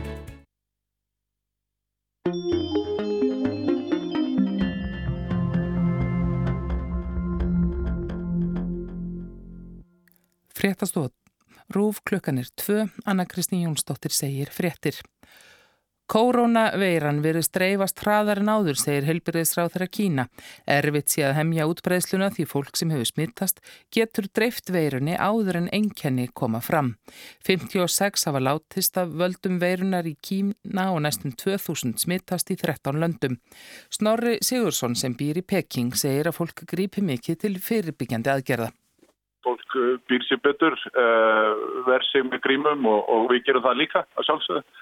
Um, við vorum í, fórum í tvo stórmarka í dag og, og það er allt orðið uppselt af, af, af spritti og, og handreinsibúnaði og, og grímum þannig að, að það er greinlegt að, að fólk er að taka þetta mjög alvarlega og það er bara því besta mál. Saði Snorri Sigursson. Yfirvöld á Filipsegjum óttast ekki lengur að sprengigós sé yfirvofandi á næstunni í eldfjallinu tal. Því hefur rýmingum verið aflétt en íbúar þurfa samt sem áður að vera við því búnir að þurfa að yfirgefa heimili sín. Mikil skjáltavirkni fylgdi því þegar eldgós hófst í tal fyrir um tveimur vikum og 135.000 mann störti að flýja heimili sín. Jarfræðistofnun Filipsega telur að mingandi öskustrókur og gas síni að drægi og líkum á sprengigossi. Núnum helgina er garðfuglatalning fuglavendar og líkur enn á morgun. Fólk er hvað til að fylgjast með ákveðnum hlutakars í klukkustund og skrá fugla sem þanga að koma. Hólmfríður Arnardóttir, framkvæmdastjóri fuglavendar, segir að telja eigi þegar fuglandir eru flestir. Áhinn sé að aukast og einfalt að taka þátt í þessu. Þessi kjörið að gefa þröstum og störum afganga og draga þannig úr matarsóun. Fretalestri er lokið.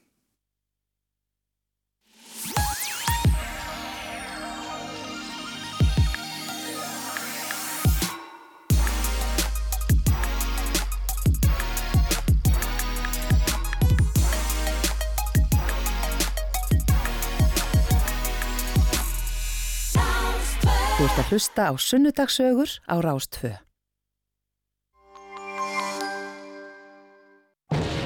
Leigubílstjórin hafi verið skotin með skambissu hægra megin í hnakkan. Ránumorð var framið í Reykjavík snemma að morgnis 18. januar. Þá var Gunnar Tryggvason myrtur og rændur í bifrætt sinni skamt frá gömlu sundlögunum, milli bugðulækjar og sundlögavegar. Sönn íslensk sagamál. Væntanleg á Storytel 20. og 7. januar. Harfiskurinn í gulupókunum. Gullfiskur. Fæst í bónus. Hefur þú lent í slísi? Áttu rétt á slísabótum? Tort. Innheimta slísabóta. Ekki missa af stóru pottaplöntu útsölunni í Blómavali. 20-50% afsláttur og ótrúlegt úrval. Blómavall. Heitlandi heimur. Nú eru heilsudagar í Netto. Á meðal tilbóða eru lífrannar gæðavörur frá Englamark með 25% afslætti. Netto. Sena kynir með stolti. Damon Alban flytur verkið sitt The Nearer the Fountain, More Pure the Stream Flows. Föstu daginn 12. júni í Eldborg á samt hljómsveit og sérhönnuðu sjónlistaverki. Miðasala hefst föstu daginn 31. janúar klukkan 12. Sena. Þú finnur mesta úrval landsins af sjónvörpum á elko.is og þeim fylgir öllum 30 daga skilaréttur. Elko, einfallega lægara verð. Lífslaupið, landskeppni í reyfingu hefst 5. februar. Skráning er hafinn á lífslaupið.is. Íþrótta og Ólimpíusamband Íslands og Rástfö.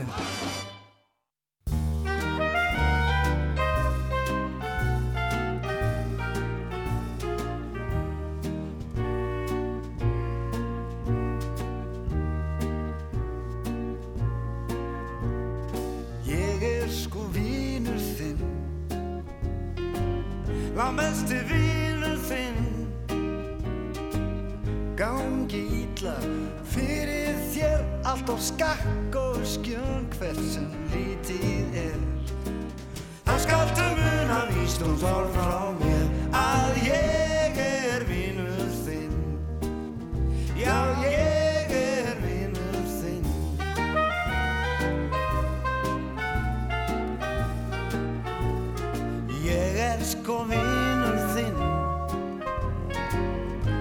besti vinur þinn.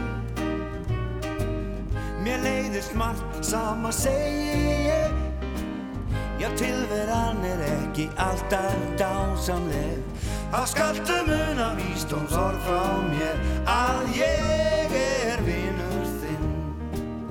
Já, ég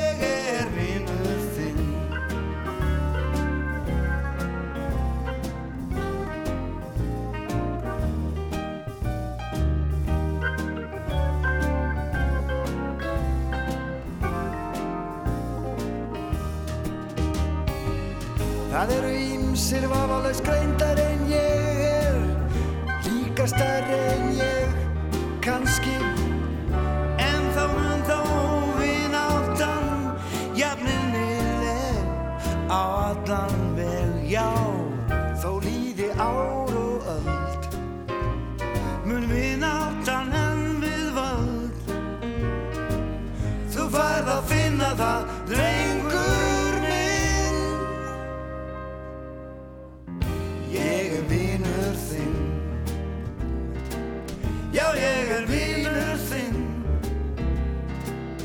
All besti vinur þinn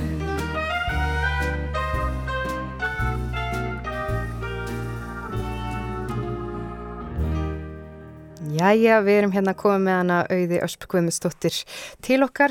Vertu velkomin, auður. Takk fyrir að bjóða mér. Jæja, hvernig segðu okkur aðeins frá hérna, svaðilföruninni hingað? Var þetta, svaðilför? Er ég aðeins að íta kannski?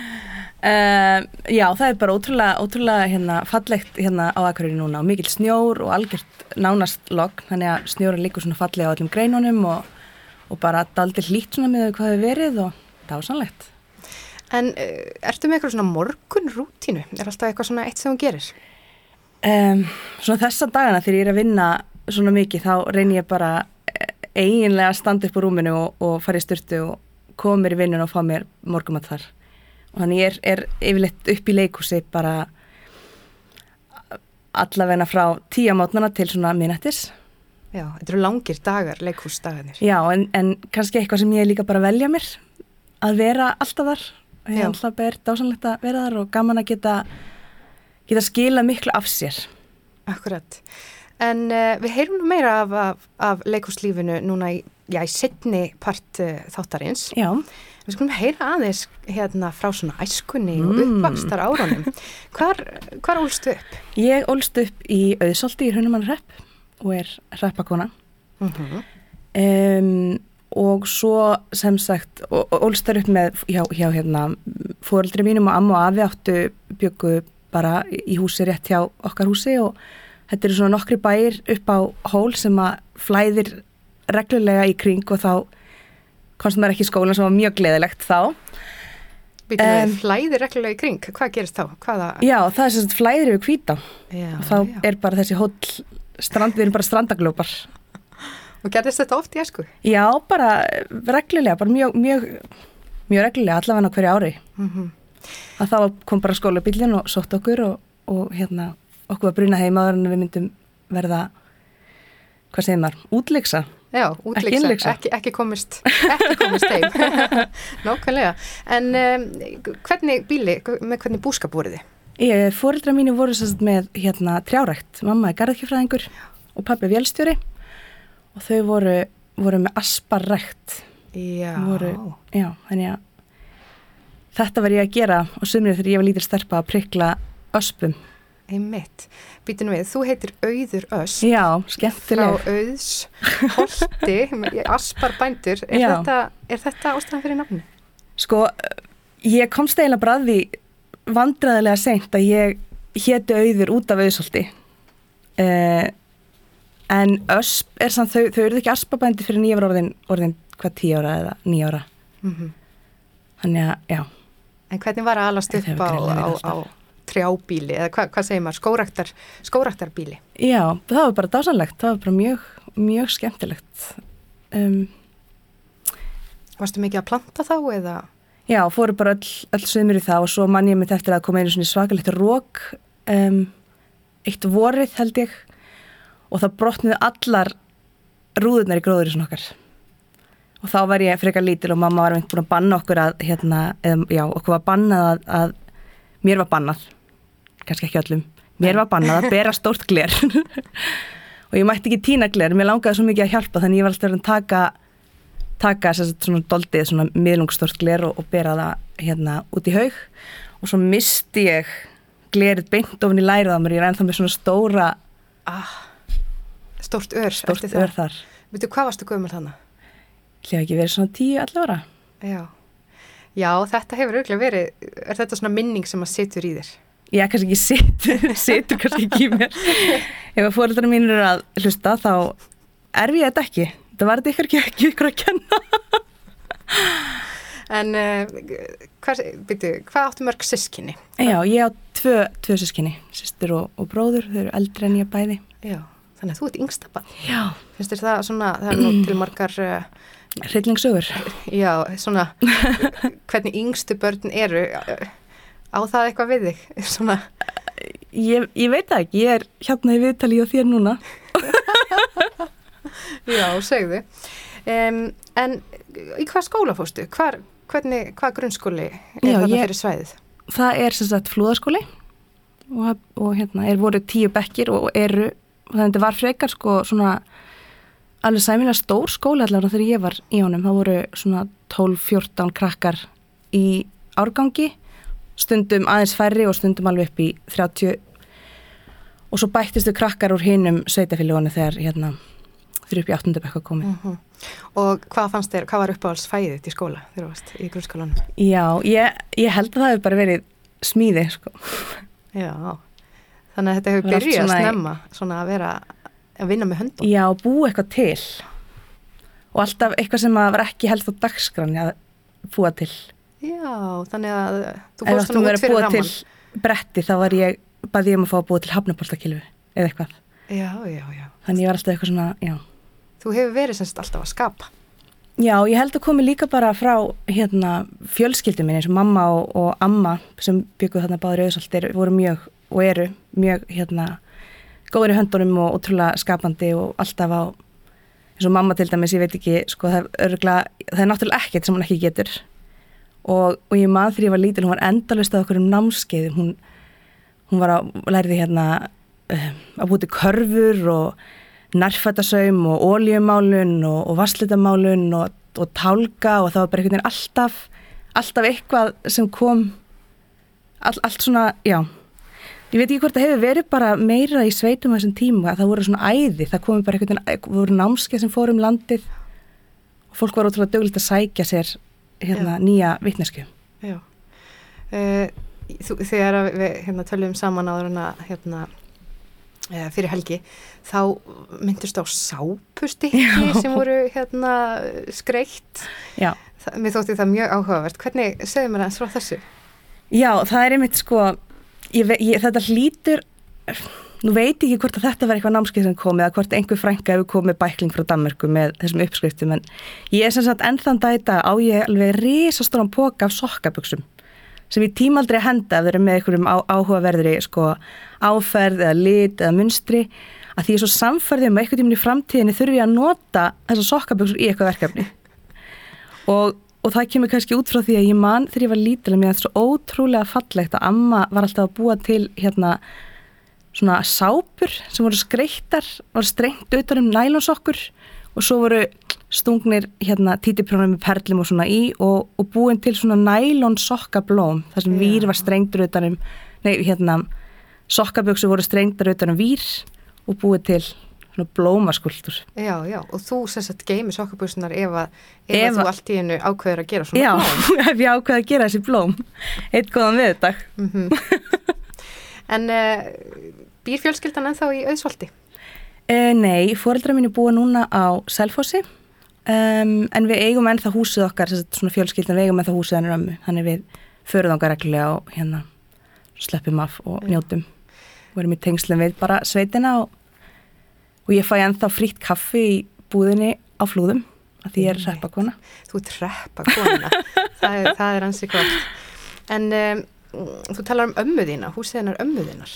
Já, Uh, segð mér frá ömmu þínu.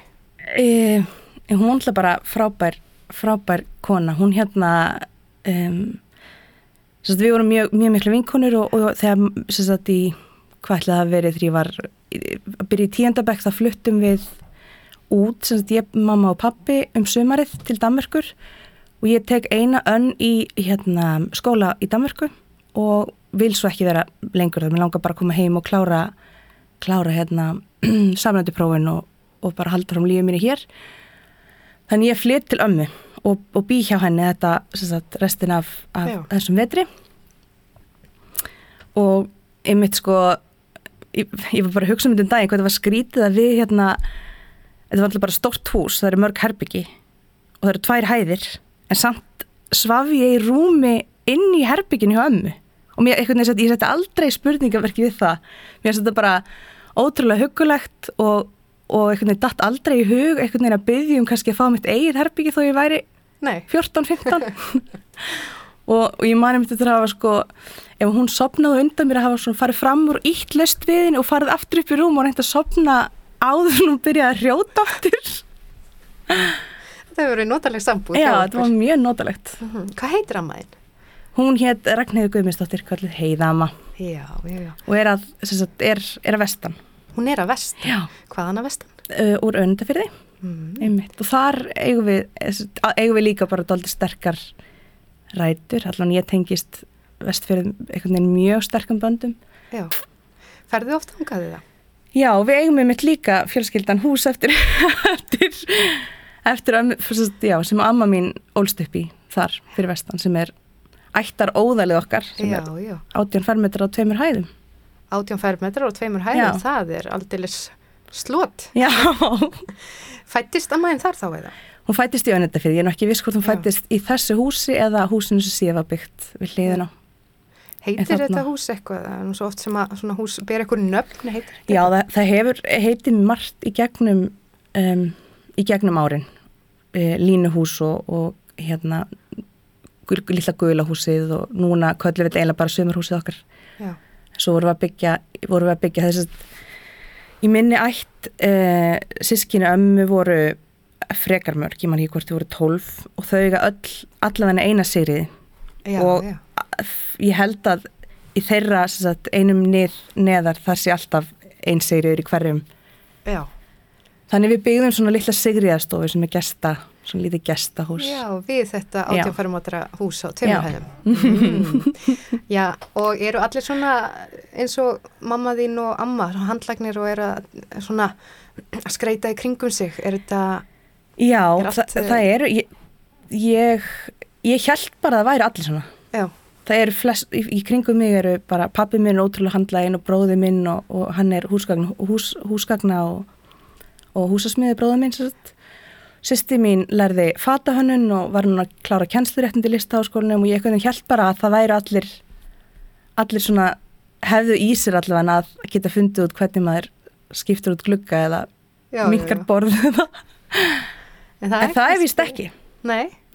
það er bara, kannski gengur í fjölskyldum. Í minni fjölskyldi er þetta aðalega hérna kennarar og smiðir. Já, og sigriðar. Og sigriðar sem margar eru kennarar En uh, þú varst þarna í uh, flúðaskóla. Já. Uh, hvað gerur svo eftir, eftir grunnskólan? Hvert verður svo? ég flytt um, ég flytt sér þarna til Danmörkur og ég er síðan alltaf, mamma og pappi eru það núti nokkur ár og ég er alltaf hjá þeim um jólin og, og sumrin og hérna og svo er ég í, í hérna fer ég í FB til að byrja með um, og kannski bara svona af eiginlega einhverju miskilninga því, að því ég hafði búið úti þegar ég var að sækjum og ég var ekkert með vini mín í kringum og allir, voru, allir vini mínu voru bara að sækjum í FSU eða einhverju svona skólum sem ég hafði ekki við langaði ekki að hérna, vera í þannig ég vissi ekkert munin á neinum af þessum Reykjavíkaskólum Nei. og sótti bara um þennan Já. sem var síðan bara alveg ágætt og ég framhaldi þá einhvern veginn uppgöta ég hönnun og fer í einskólan í Hafnafyrði og, og klára alla hönnun sem er svona hérna um, verkleg eða þannig allt í höndunum, pl plasthönnun og málmhönnun og, og svona aðeins í hérna um, eitthvað svona pínlítið sögu. Og svo fer ég í einskólan og klára stúdentinn þar um, af Já. hönnunabraut Í í Já, Reykjavík? fyrir ekki, já. Já. Tækniskólanum nefnir, eins og hann heiti núna. En uh, ætlaður semst alltaf að verða hönnuður eða sem sagt, var það stefnan? Fórstu í FP út af því að það er nú einmitt listnámsbraut sterk? Já, nei, ég fór í, tungum- ég fór í tungumálabraut þar Já, einmitt. Um, ég held að það hefði bara verið að því ég held ég var ekki droslega góð í starffræði sem að var svona, já, já, þá ferð þú bara á tungumálabraut Mm en svo er ég bara ákveð í starffræði svona eftir á eftir að hafa sagt, klárað grunnskólinu og fundið með aðeins betur þá þá hérna held ég að þetta sé líka oft fólk halda það sé ekki gott í starffræði Já. sé bara því að síðasti starffræðikennari var ekki að tengja við þig eða þú ekki að tengja við hann Mhm. Já, maður þarf að læra kannski starffræðin á sinnhátt sem að henda persónuleikamanns. Já. En svo klárar við þarna í uh, yðnskólanum í Reykjavík, tækniskólanum. Já. Og, og hvað, hvert likur svo leiðin? Svo fer ég bara í listaháskólan og, og hérna sækjum í vöruhönnun og það held ég hef bara verið það besta sem ég hef gert í lífinu Já. að fara þar og, og hérna bara læra einhvern veginn að hugsa á algjörlega nýjan hátt og, og það eru ótrúlega frábæri kennari sem að meiri þessi enn þann dag í dag e, er ég í góðu sambandi við og hérna hafa um, kvart mig áfram og stutt mig hérna áfram í verkefnum, ég hef vel bent á mig þegar einhver hefur verið að leita sér að að hérna hönnuði eða einhverjum til að vinna með Já. Hvað var það svona sem að stóð upp úr í, náminu í listaháskólanum? um, ég hugsa, sko ég hugsaði sér náttúrulega fyrir utan það hvað maður bara einhvern veginn heilin á manni endur vírast að maður fyrir að skinni allt í kringu svo allt annan hátt og kannski gaggrítni hátt þá náttúrulega að vera með þessum tíu manneskum á hverjum einasta degi frá nýja mótnana til uh, minnættis þannig var bara skólinn, vorum alltaf saman þá myndist eitthvað svona tengsl sem að sem að er mjög erfitt annars að hérna, mynda Mm -hmm. En, vö, en vöruhönnun, segð mér aðeins, hvað félur vöruhönnun í sér? Já. Stór spurning. Stór spurning. hún félur svo ótrúlega margt í sér. Hún er, uff, mér finnst þetta alltaf jafn erfitt að fá þessu spurningu. Að því hún er, hún er doldið bara svona það sem að þú vilt gera með hana. Sumir eru, sumir fara út í að hérna þróa ný efni eða nýjar aðferði til að hérna bæta bæta náttúruna aðrir fara út í að búa til húsgögn eða skúltúra og, og sömur fara út í að búa til upplifanir eða vinna með bændum eða gera bara hana síningar eða skapa þæglæri þæglæri hérna, veru á spítölum það, það er einhvern veginn hægt að fara bara í hvaða átt sem að þú Já. þetta er bara að læra að hugsa á skapandi hátt og leysa vandamál Einmitt. Þetta hefur átt vel við þig. Þetta átti, já. Ég ætlaði fyrir þetta að vera uppfinningamæður. Já, þetta er náttúrulega bara eins og lýsing á að vera uppfinningamæður. Eins og þú sagði frá vöruhönnun. Já. En uh, hvað svona, hvað tókst þú þér þá fyrir hendur uh, í svona, maður fer alltaf ykkur áttir kannski í skóla, lendir einhvern veginn á okkur hildu. Já, einmitt. Ég lendi einhvern veginn, ég fór í verkefni sem hétt hérna stefnum út hönnu og bænda og út frá því um, verandi líka bondadóttir þá hérna þá fannst mér þetta mjög borlegjandi og, og tengdi mjög vel við líka bara þá sem við unnum með í þessu verkefni og, og hérna um, einhvern veginn vatta upp á sig að ég og, og um, Embla Vikforsdóttir vinkona mín og hérna tveir aðrir skiptir nema Katarína og Bobby sem á voru sérst, frá Svíþjóð og Þísklandi við heldum á sóttum styrk og fórum að vinna verkefni sem hitt Pantið áhrifin. Eitt sumar og sköpuðum svona hérna farand veitikastað sem að um, sem átti að ferast inn landið og, og þar sem fólk gætt pantað áhrifin af um, því sem af matnum en ekki, það vissi ekki hvað það fengi. Þannig að þú gæst pantað eitthvað sem verið gott fyrir augun, eitthvað sem verið gott fyrir liðin eitthvað sem verið gott fyrir Já, já, og hvað héttu héttu réttinir? Já, hvað hva, hva, maður pantað? Sko, þetta þróaðist síðan, uh, þetta, þetta þróaðist út frá þessum litla farandveitikastað, þannig að þeir höfðu mörg nöfn yfir tímabili, við vorum að búa til marga. Um, í lokin, eða semst ekki í lokin, svona hérna á hönnunumars fyrir nokkrum árum þegar við svona vorum að okkur langaði bara að halda svona eitt stóran, eitt stórt svona lokadrag allt saman sem við höfum verið að gera. Þá fórum við í samstarfi við veitingastað og, og þeir byggu til sagt, rétt þess að gæst pantaði forrétt, aðrétt, eftirrétt og þá bara letu við það ekki heita neitt fancy, þá héttu þau bara fyrir vöðva, fyrir ónæmi, já, já, já. fyrir þannig að það aldrei fyndið að sjá sko pöntunasæðluna hjá, hjá, hjá þjónunum sem var að taka inn, það var bara hérna já, e, í forrétt blóð, aðalrétt þannig að þetta var eitthvað sem var gott fyrir blóðið. Og í aðalrétt vöðvar og í eftirrétt augu. Svo er þetta svona ótrúlega skrýknir sæðlar um allan veitikasta Þetta hljómar ekki gyrnilega Nei, þetta var ótrúlega gyrnilegt þetta, þetta var mjög, já, ég meina það eru og svo mm. byggum við til, þetta var bara ótrúlega fallega matur fallega borum fram. Og svo, svo byggum við til svona ég og þetta er þess að ég og Embla, við fórstóttir unnum að þessu, við byggum til svona smekki fyrir fólk sem voru festir á svona daldi eins og þú var í á tannlækni. Svona svarta smekki sem voru búin að handprenta á líffæri. Þannig að allir við stórborði sátur svona eins og daldi eins og vél á móti annari vél. Mm -hmm. og eina markmið ykkar var bara að fæða þessi vél sem er líkamann Já, þetta hljóma nú eins og við hefum lengt á svona upplifunar hillu, svona hanna upplifun fyrir fólk. Já, ég hef líka bara mjög mikið áhuga að búa til eitthvað sem að sem er ekki, ég hef ekki áhuga á húsgögnum þannig lagað, ég hef ekki áhuga á sko að búa það sjálf til og þessari þróun. Um, mér langar bara að búa til eitthvað sem kemur og fer og hérna þú bara grípur núna eða, eða missir af. Mm -hmm. Þetta er mjög áhugavert, áhugavert um, auður Ösp Guðmundsdóttir. Við ætlum að taka stutt hlje og við ætlum að fá að heyra hans eitt lag sem þú valdir, segð mér hans frá því Þetta er bara lag sem ég er búin að hlusta ótrúlega mikið á upp á síðkastið og, bara frá því ég heyrði það í fyrsta skipti þá var mér hlít í hjartanu Já. og mér finnst þetta svo falleg hérna finnst það bara falleg uh, útsetning. Mm Og hvað heitir það? Það heitir uh, We'll Meet Again með See and Him og uh, söngkon er Sui Desenel sem að kannski margir það ekki ár New Girl. Já, við skulum heyra þetta lag og svo fáum við auglýsingar.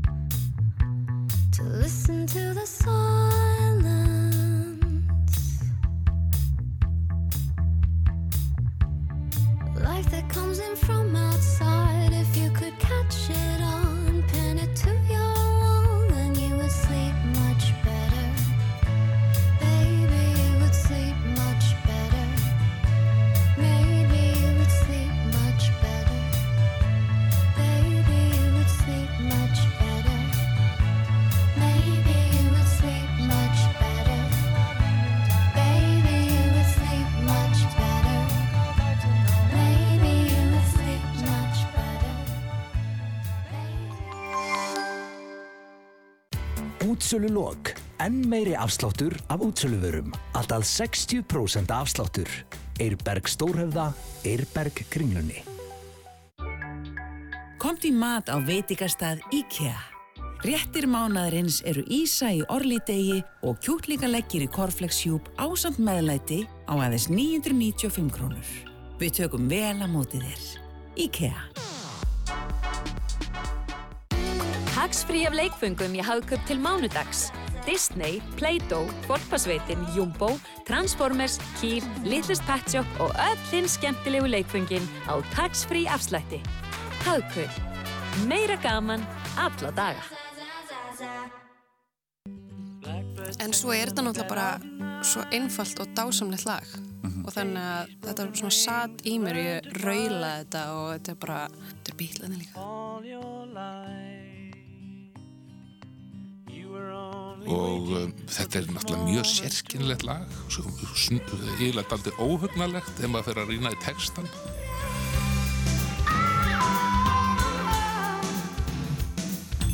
Og, og mér skilst að þeir séu af þeim 50 böndum sem er að sjá live eru þeir vist Já, þeir eru frábæri live. Já, er það ekki? Jú, Já. gengið Sons Lögataskvöld með Matta í spilaranum á rúf.is og öllum hlaðvarpsveitum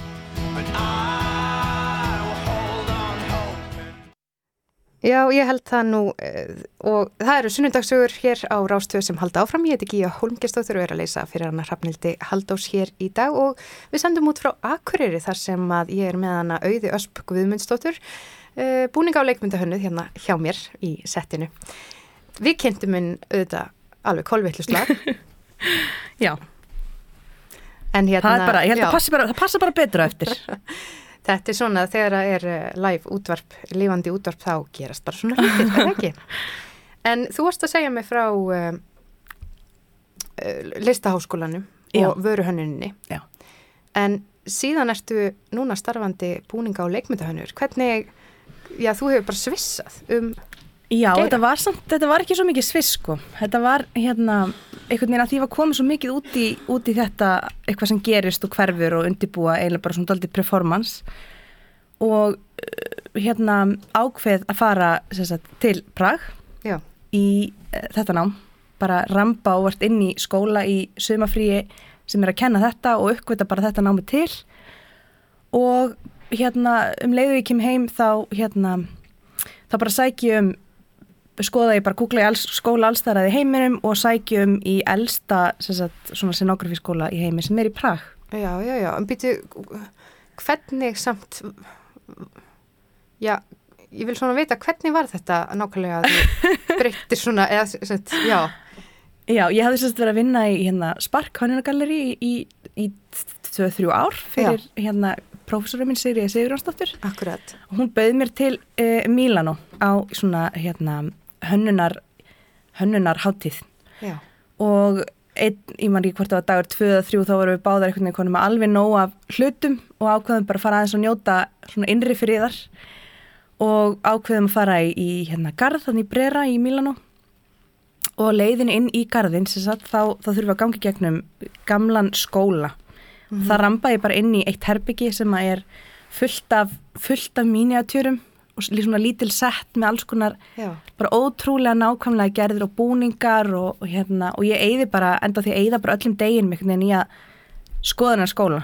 Og þegar ég kem út og um kvöldi þá segi ég um til Sirið bara ég held ég viti hvað ég vil fara að læra næst. Vá, hvernig var þessi tilfinning að finna þetta? hún var bara frábær og Sigga ótrúlega hérna stutti mig alla leið og var bara, þú verður bara, já, sækjum bara, þú verður bara sækjum núna og bara við finnum mig, hvað skóla, hvað ertu búin að vera að gera núna, hvað ertu búin að vera að skoða? Og, og dálítið svona stiðja mig í þessu og svo hérna e, finn ég hann skóla í Prag og sækjum hann Já.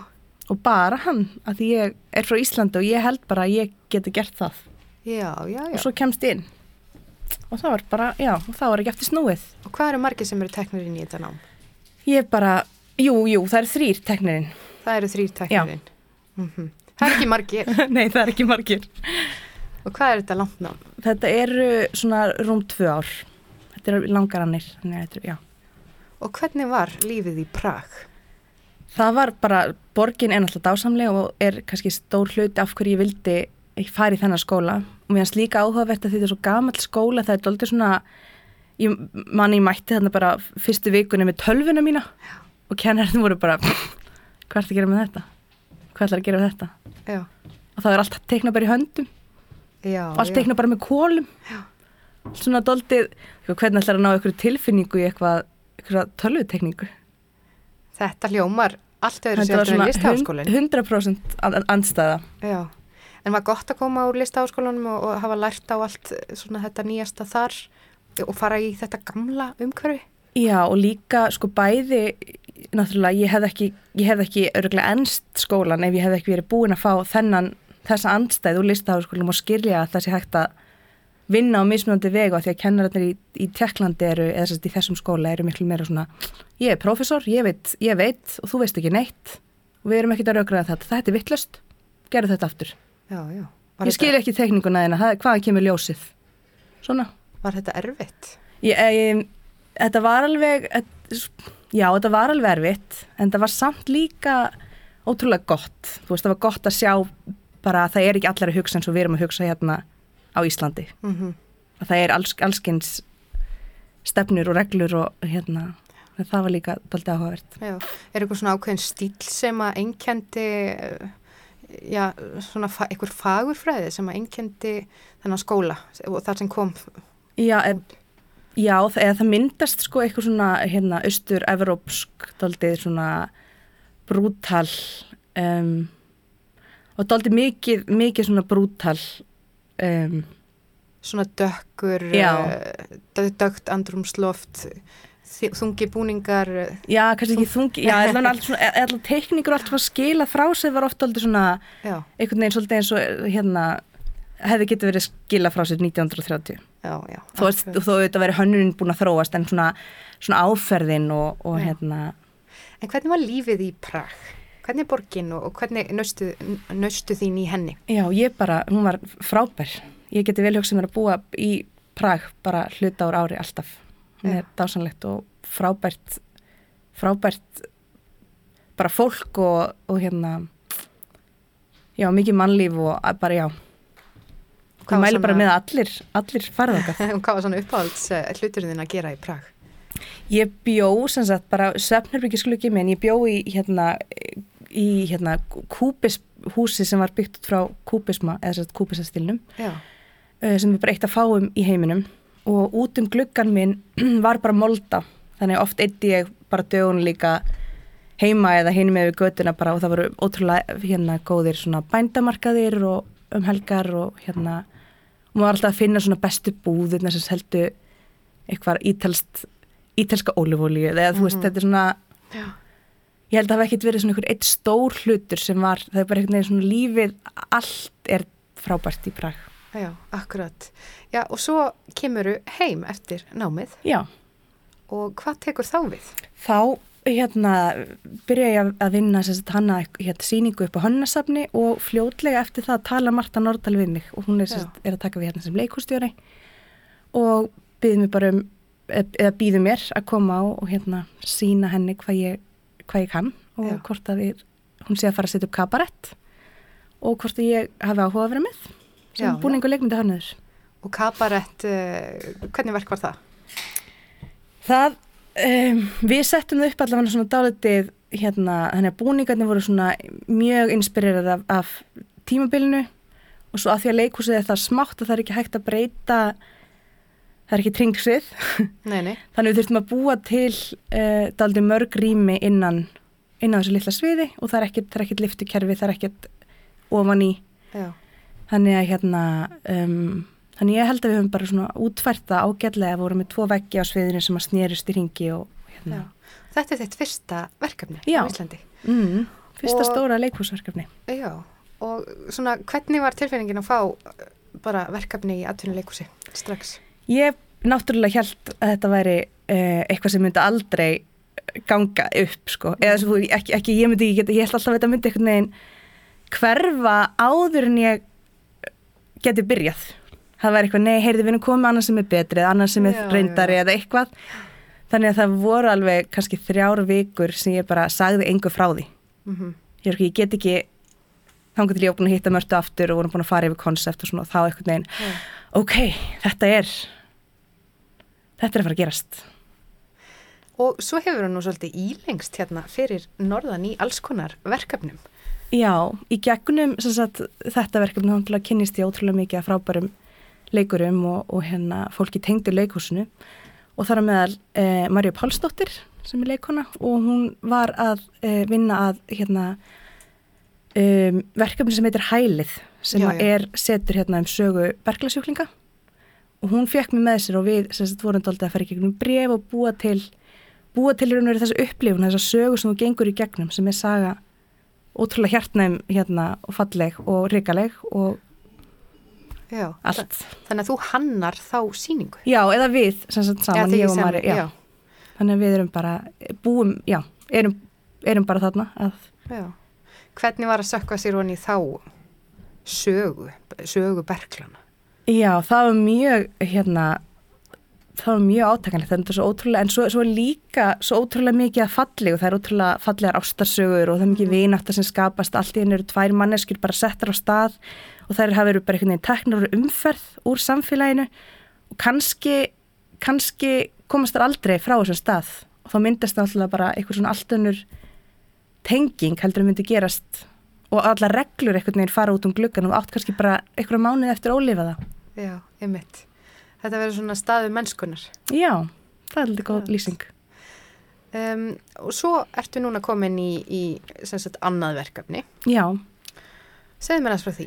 já, við erum að vinna núna að uh, verk, leikari til söngleik aftur Já. sem heitir Vori Vaknar og, og hérna Marta Nordal er aftur að leikstýra því og ég er aftur að gera búninga eins og í kabarett og leikmynd og Lý Prátt sér um dansatriðin eins og í kabarett og Mhm. Ólafur uh, sem sagt Óli Ljósa hannur hjá Borgarleikusin, hann er hérna hjá okkur núna og er að gera er að gera ljósahönnuna, þannig þetta er svona alveg sama við erum bara búin að finna uppskrift sem virkar Já, greinilega.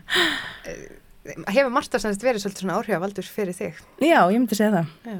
bara, En hvernig var að, að fara yfir í leikúsbransan? Þekkturu eitthvað inn í bransan hérna heima? Eða, Nei, var það? það var líka Úr hönnuninni yfir í leikúsið? Nei, það er einhvern veginn, það er sko það er aldrei skrítið að því að heimur hönnuða er ekki mjög stór það eru bara ég þekki nánast alla sem eru hönnuður á Íslandi og, og hérna og inn í hönnunamistu sem er þú veist það er svona mikil tenging á milli en svo einhvern veginn leikursbransin er, var eitthvað staður sem ég segja þekkti bara engan, ekki eina mannesku þannig að það var daldið uh, daldið svona sjokk eða svona, ekki sjokk en daldið svona skóli fyrir mig þegar við Marta sagt, kynntumst, þá var ég bara eitthvað bara svo þú vitir, þá þekki ég engan í þessum bransa og þú eru alltaf að útskýra fyrir mér að tala um einhvern.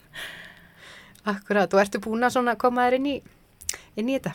Já, ég er, ég er allavega búin að læra nefna þeim sem ég hef unni með Það er byrjunin. Nei, nei, já, já, ég, þetta, er, þetta er alltaf að koma. Og ég held að það sé kannski ekkit, ekkit nöðsynlegast að vita öll nöfnin en það er samt svona um, Já. En getur verið gott að koma Það svona verið- utan að Já. inn í eitthvað. Já, og gaman að vita líka hvert maður á að leita, hvað eru áhugaverðustu leikúsin Já. erlendurs og hvaða sýningar og svona sem Marta er alveg búin að skóla mig í. Akkurat. En uh, hvernig gengur að setja upp uh, voru vagnar? Mjög vel, ég bara er, ég er núna bara að fara að hitta uh, Björgumörtu, uh, Gunnarsdóttir sem er að gera búninga með mér Mhm. uh, og Og saumið þetta allt frá grunni, hvernig er svona vinnið þetta? Já, við, eh, við byggjum stundum á öðrum eða, eða saum grunnsnið og jú, það er doldið mikið, það er doldið mikið saumað frá grunni þessari, sagt, þessari síningu allavega kvennmarsbúningarnir og stúlknabúningarnir. Svo er jóðum jóð hérna á Akureyri sem að byggu til rosalega snotrar uh, stuppbuksu fyrir okkur á Já, alla strákana. Svona hnjep Já, já, já, já. einmitt. Og svo eru þeir í nýja sokkum við. Maður verður nú að spyrja núna bara um hvað fjallar þessi söngleikur voru vagnar, hvaða saga er þarna? Já, einmitt. Uh, þetta er, sko, þetta er erfið spurning. Já. Takk fyrir hana. Verður þeirra góði. þetta er, hérna, söngleikur bara um, um, um ungt fólk sem er að finna sig í heimi þar sem að um, reglur eru mjög strángar og það er allir, verið, allir að reyna að berja þau í sagt, mót í þessum harða heimi sem að þau eru doldið, doldið að reyna að leika sér í en einhvern veginn alltaf verið að stýra þeim og, og þrýsta þeim inn í inn í þetta mót að vera uh, fullorðin manneskja. Og um, sumir ná að sprengja út frá sér og aðrir ekki. Og það er líka þannig sem ég hugsaði eins og leikmyndin er dálítið fyrir dálítið eftir lýsingunni hvort hérna, hvort hún er leikvöllur eða, eða hreinlega bara svona eit- eitthvað fangels eða eitthvað sem þau eru njörfið inn í Já, og svo eru búningarnir á móti algjör andstæða þar sem þeir eru léttir og, og börnin eru bara börn en þá og stelpunar eru bara dólda dullur og, og dóldi svona dóldi svona eiginlega bara til skraut já, já. Þannig að það myndast þurfa andstæður. já, er mjög miklar mjög miklar andstæður þarna í Ég fór alltaf inn að hugsa þegar þú lístir þessu út í bara skó, hérna, um skólan þinn, Já. út í Prag. Já, Var til þetta svo list kannski háskólin svolítið á móti já, eða, það, já, það voru al, alveg hreint mjög svona setta reglur um hvernig, Mhm. hvernig á að virða þá sem eldri eru sem var náttúrulega þegar ég er orðin 34 þegar ég fyrir út Já. að mér leiði ekkit eins og ég væri smábat sem var hægt að segja bara þú skilur þetta ekki, Mhm. þú ert ekki svara mér Já, þess að maður er ekki vanur því það er skrítið að koma í, í heim þar sem einhver er að reyna að bara akkurat þetta, móta þig í eitthvað form sem þú bara vilt ekki vera í Það geta verið átök. Já. Mm. Í samtalinu okkar, uh, hérna, fyrir helgi, þá sagðuru mér Já. að þú hefur aldrei fundið fyrir heimþrá. Nei. Mér þykir þetta svolítið merkilegt. Útskýrðu þetta fyrir mér. mér líður alltaf bara svo ótrúlega vel allstað sem ég er en ég hérna eigði mjög miklu tíma með fjölskyldina minni þegar við erum saman fer ég mjög reglulega að hitta þau og, og fjölskylda mér kom til dæmis til Prag og við eitum jólunum saman þar þannig að mjög sterk tenging en ekki, ég finn ekki ég finn ekki til svona heimþrár Nei.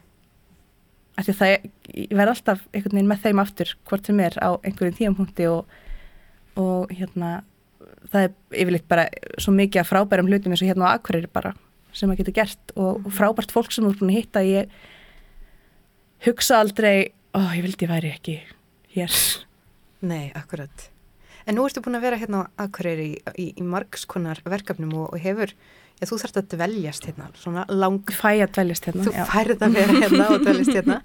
Ætlar kannski bara, nú spyr ég svona fyrir hönd allra Akureyringa, ætlar ekki Já. bara að flytja? Ég myndi nú segja að ég búi hérna eiginlega með við það að ég kom hérna fyrir einu og halva ári og ég er búin að vera hérna síðan ég er Já. bara farið, já það er ekki margar það er ekki margar, margir dagar sem ég hef verið en margar vikur sem ég hef verið í bænum Þannig að þér líkar vel hér. Mjög vel, mjög vel. En hvað tekur svo við? Nú er frumsynning á voru vaknar bara í næstu viku, 31. janúar. Já. Þá, og þú talaður um hérna í byrjun að þetta séu langir dagar í leikúsinni, Já. en, en hvað tekur svo við? sko, uh, að því að ég hérna, maður tímir aldrei að segja nei við skemmtilegum verkefnum, þannig ég hef einhvern veginn verið alltaf mikið að segja já og þá, þá næ ég ofta ekki degi á milli þessum verkefni klárast að verkefni byrja Mhm. þannig ég hef fengið rosalega að fá að frídaga síðan ég byrjaði að vinna Já. sem er frábært og líka rosa þreytandi og e, núna klára við og svo tek ég bara pínlítið frí og svo ætla ég til Lunduna Já, já. í leikusferð með hérna, nokkru vinum mínum hérna frá Akureyri, Völu, Fannel og Villa Vandræðaskaldi og, og Hjaltarúnari, Hjaltarúnari. Og hvað ætlið þið að gera í Já, við ætlum að fara í leikus á hverjum degi og borða góða mat og fara á Hamilton og að því hann Vili, elsku Vili, er svo hérna veikur fyrir bresku munaði, þá ætlum við að fara og vera í svona bókstúku með bötler. Með bötler? Á Hamilton. Þið ætlið að vera með brita sem sett bara á, á kantinum. Já. Það er nú ekki slór. Nei, það er frábært. Þetta er kannski svona, já, draumur hvers eh, svona breyta unnanda. Já. sem hefur hort á Downton Abbey eða eitthvað svo leiðis. Já. Þetta er mjög spennandi. En uh, hvað ætlar svo að gera þegar þú ert komin úr þessu ferðalegi? Já, þá er sem sagt, þá er það er svona nokkur verkefni í, í pípunum sem ég kannski má ekki alveg tala um strax. Nei, en það er margt framöndan Já, það er nóg framöndan og svo er ég náttúrulega líka í, í hérna að vinna með nokkrum krökkur sem ég var með í listaháskólinum Já. Þannig við erum með svona hönnunogrúpu þannig að ég þarf aðeins að sinna henni líka og svo er ég að vinna í æðadúnsverkefni sem er, er verður frumsýnt á næsta ári Já. sem er svona hönnunaverkefni líka með hönnu Jónsdóttir vöröfni. Það er nóg að gera Já. og það búið að vera gaman að spjalla við þig og fá að heyra allt um, um bara þín ótrúlega fjölmörgu verkefni og gangið vel að klára voruð vaknar. Takk fyrir og takk fyrir að bara nennan að hlusta. Já, bara mjög skemmtilegt og, og, og bestu kvæður. Og núna skulum við spila. Herru, takk fyrir að minna mig á. Nú ætlum við að spila lag sem þú valdir. Hvaða lag valdir þú? Við ætlum að spila það lag sem ég kynnti á það, mm -hmm. Ránt. Og er hérna We'll Meet Again með See and Him. Akkurat, en hvaða lag hlustuðum við á samt Á, áður? áður hlustuðum við á lagið Come Monday Night. Og eru þetta svona lög sem eru í sífældri spilun hjá Það eru sífældri spilun og hlýja mér alltaf um hjartarætur. Já. Auður Ösp Guðmundsdóttir, eh, leikmynda og búningahannur, takk fyrir spjallið og gangið vel og nú heyrum við lag. Sunnudagssögur með Rafnildi Haldósdóttur á Rástfö. Meet again. Don't know where, don't know when, but I know we'll meet again some sunny day. Keep smiling through, just like you always do, and the blue skies chase the gray skies far away.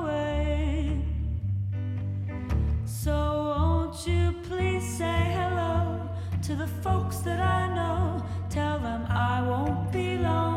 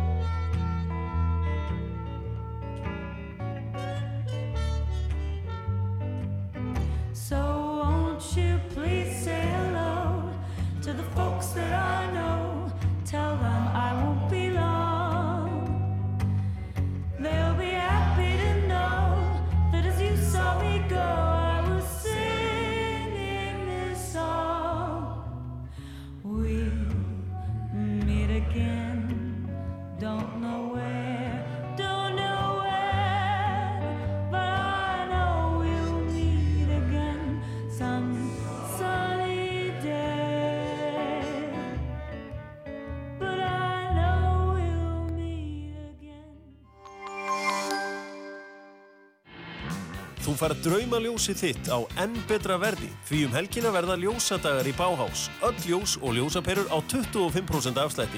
Kíktu við. Báhás, mikið úrvald gæði og látt verð alltaf. Þú færð XDM vetrarfatnað í Hagkaup.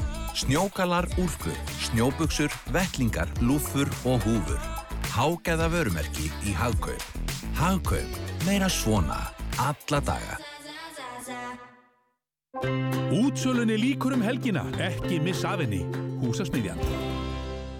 Sko, ég gef börnunum mínum serjós því mamma gaf mér serjós því mamma hennar gaf henni serjós þannig að næst þegar ég býð mömmu og ömmu í mat nú þá bara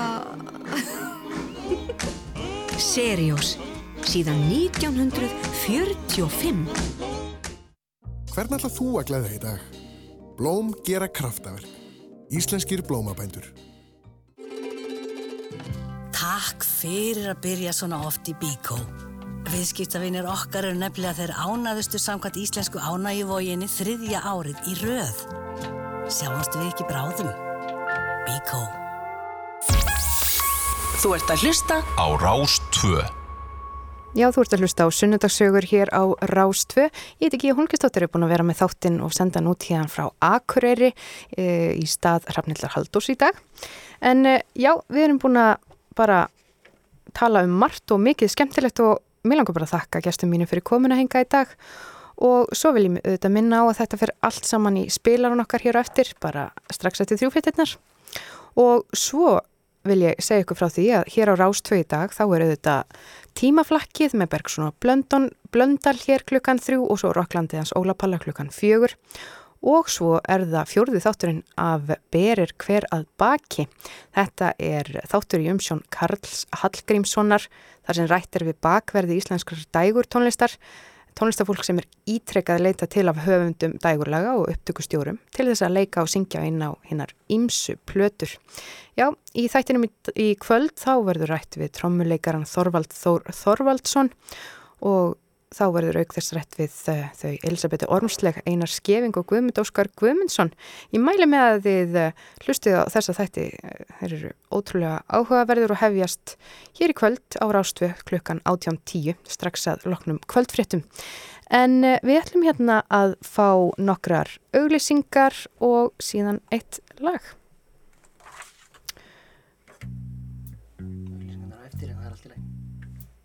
Já, við fáum auðlýsingar á eftir þessu lagi. I got a worried mind.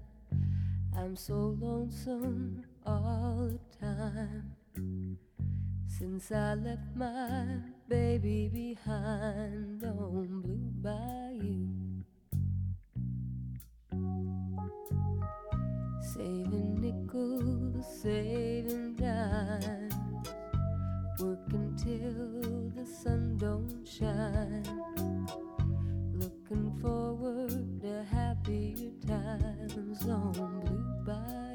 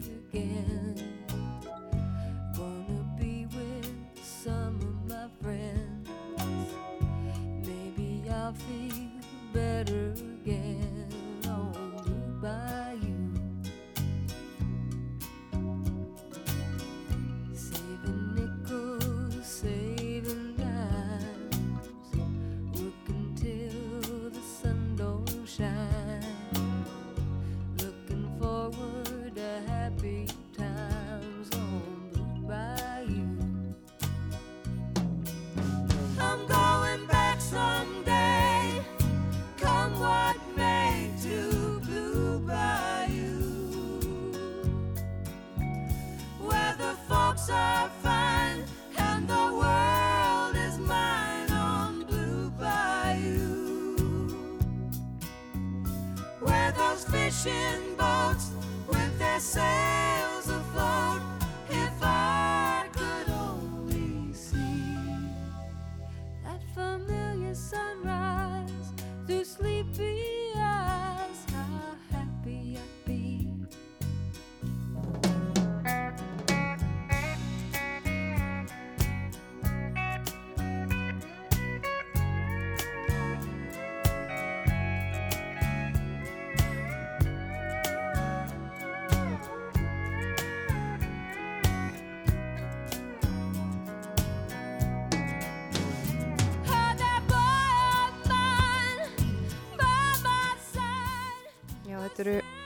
Þetta eru ljúfir tónar hér og á þessum ljúfu tónum ætlum við að enda sunnudagssögur í dag. Og ég vil bara þakka afturgæstum mínum, þeim Haraldi Bóasinni og auði Ösp Guðmundsdóttir, já, fyrir komuna og ykkur, kæru hlustendur, fyrir að hlusta. En ég heiti Gíja Holmgjastóttir og hafði umsjón með sunnudagssögum hérna frá Akureyri og eh, já, Hrafnildur Halldórs verður síðan aftur með ykkur í næstu viku. En þá ætla ég nú bara að þakka fyrir mig í dag og ég kveð ykkur hérna frá Akureyri og það verða hérna fréttir og eftir og svo auðlýsingar. Takk í dag og bless bless.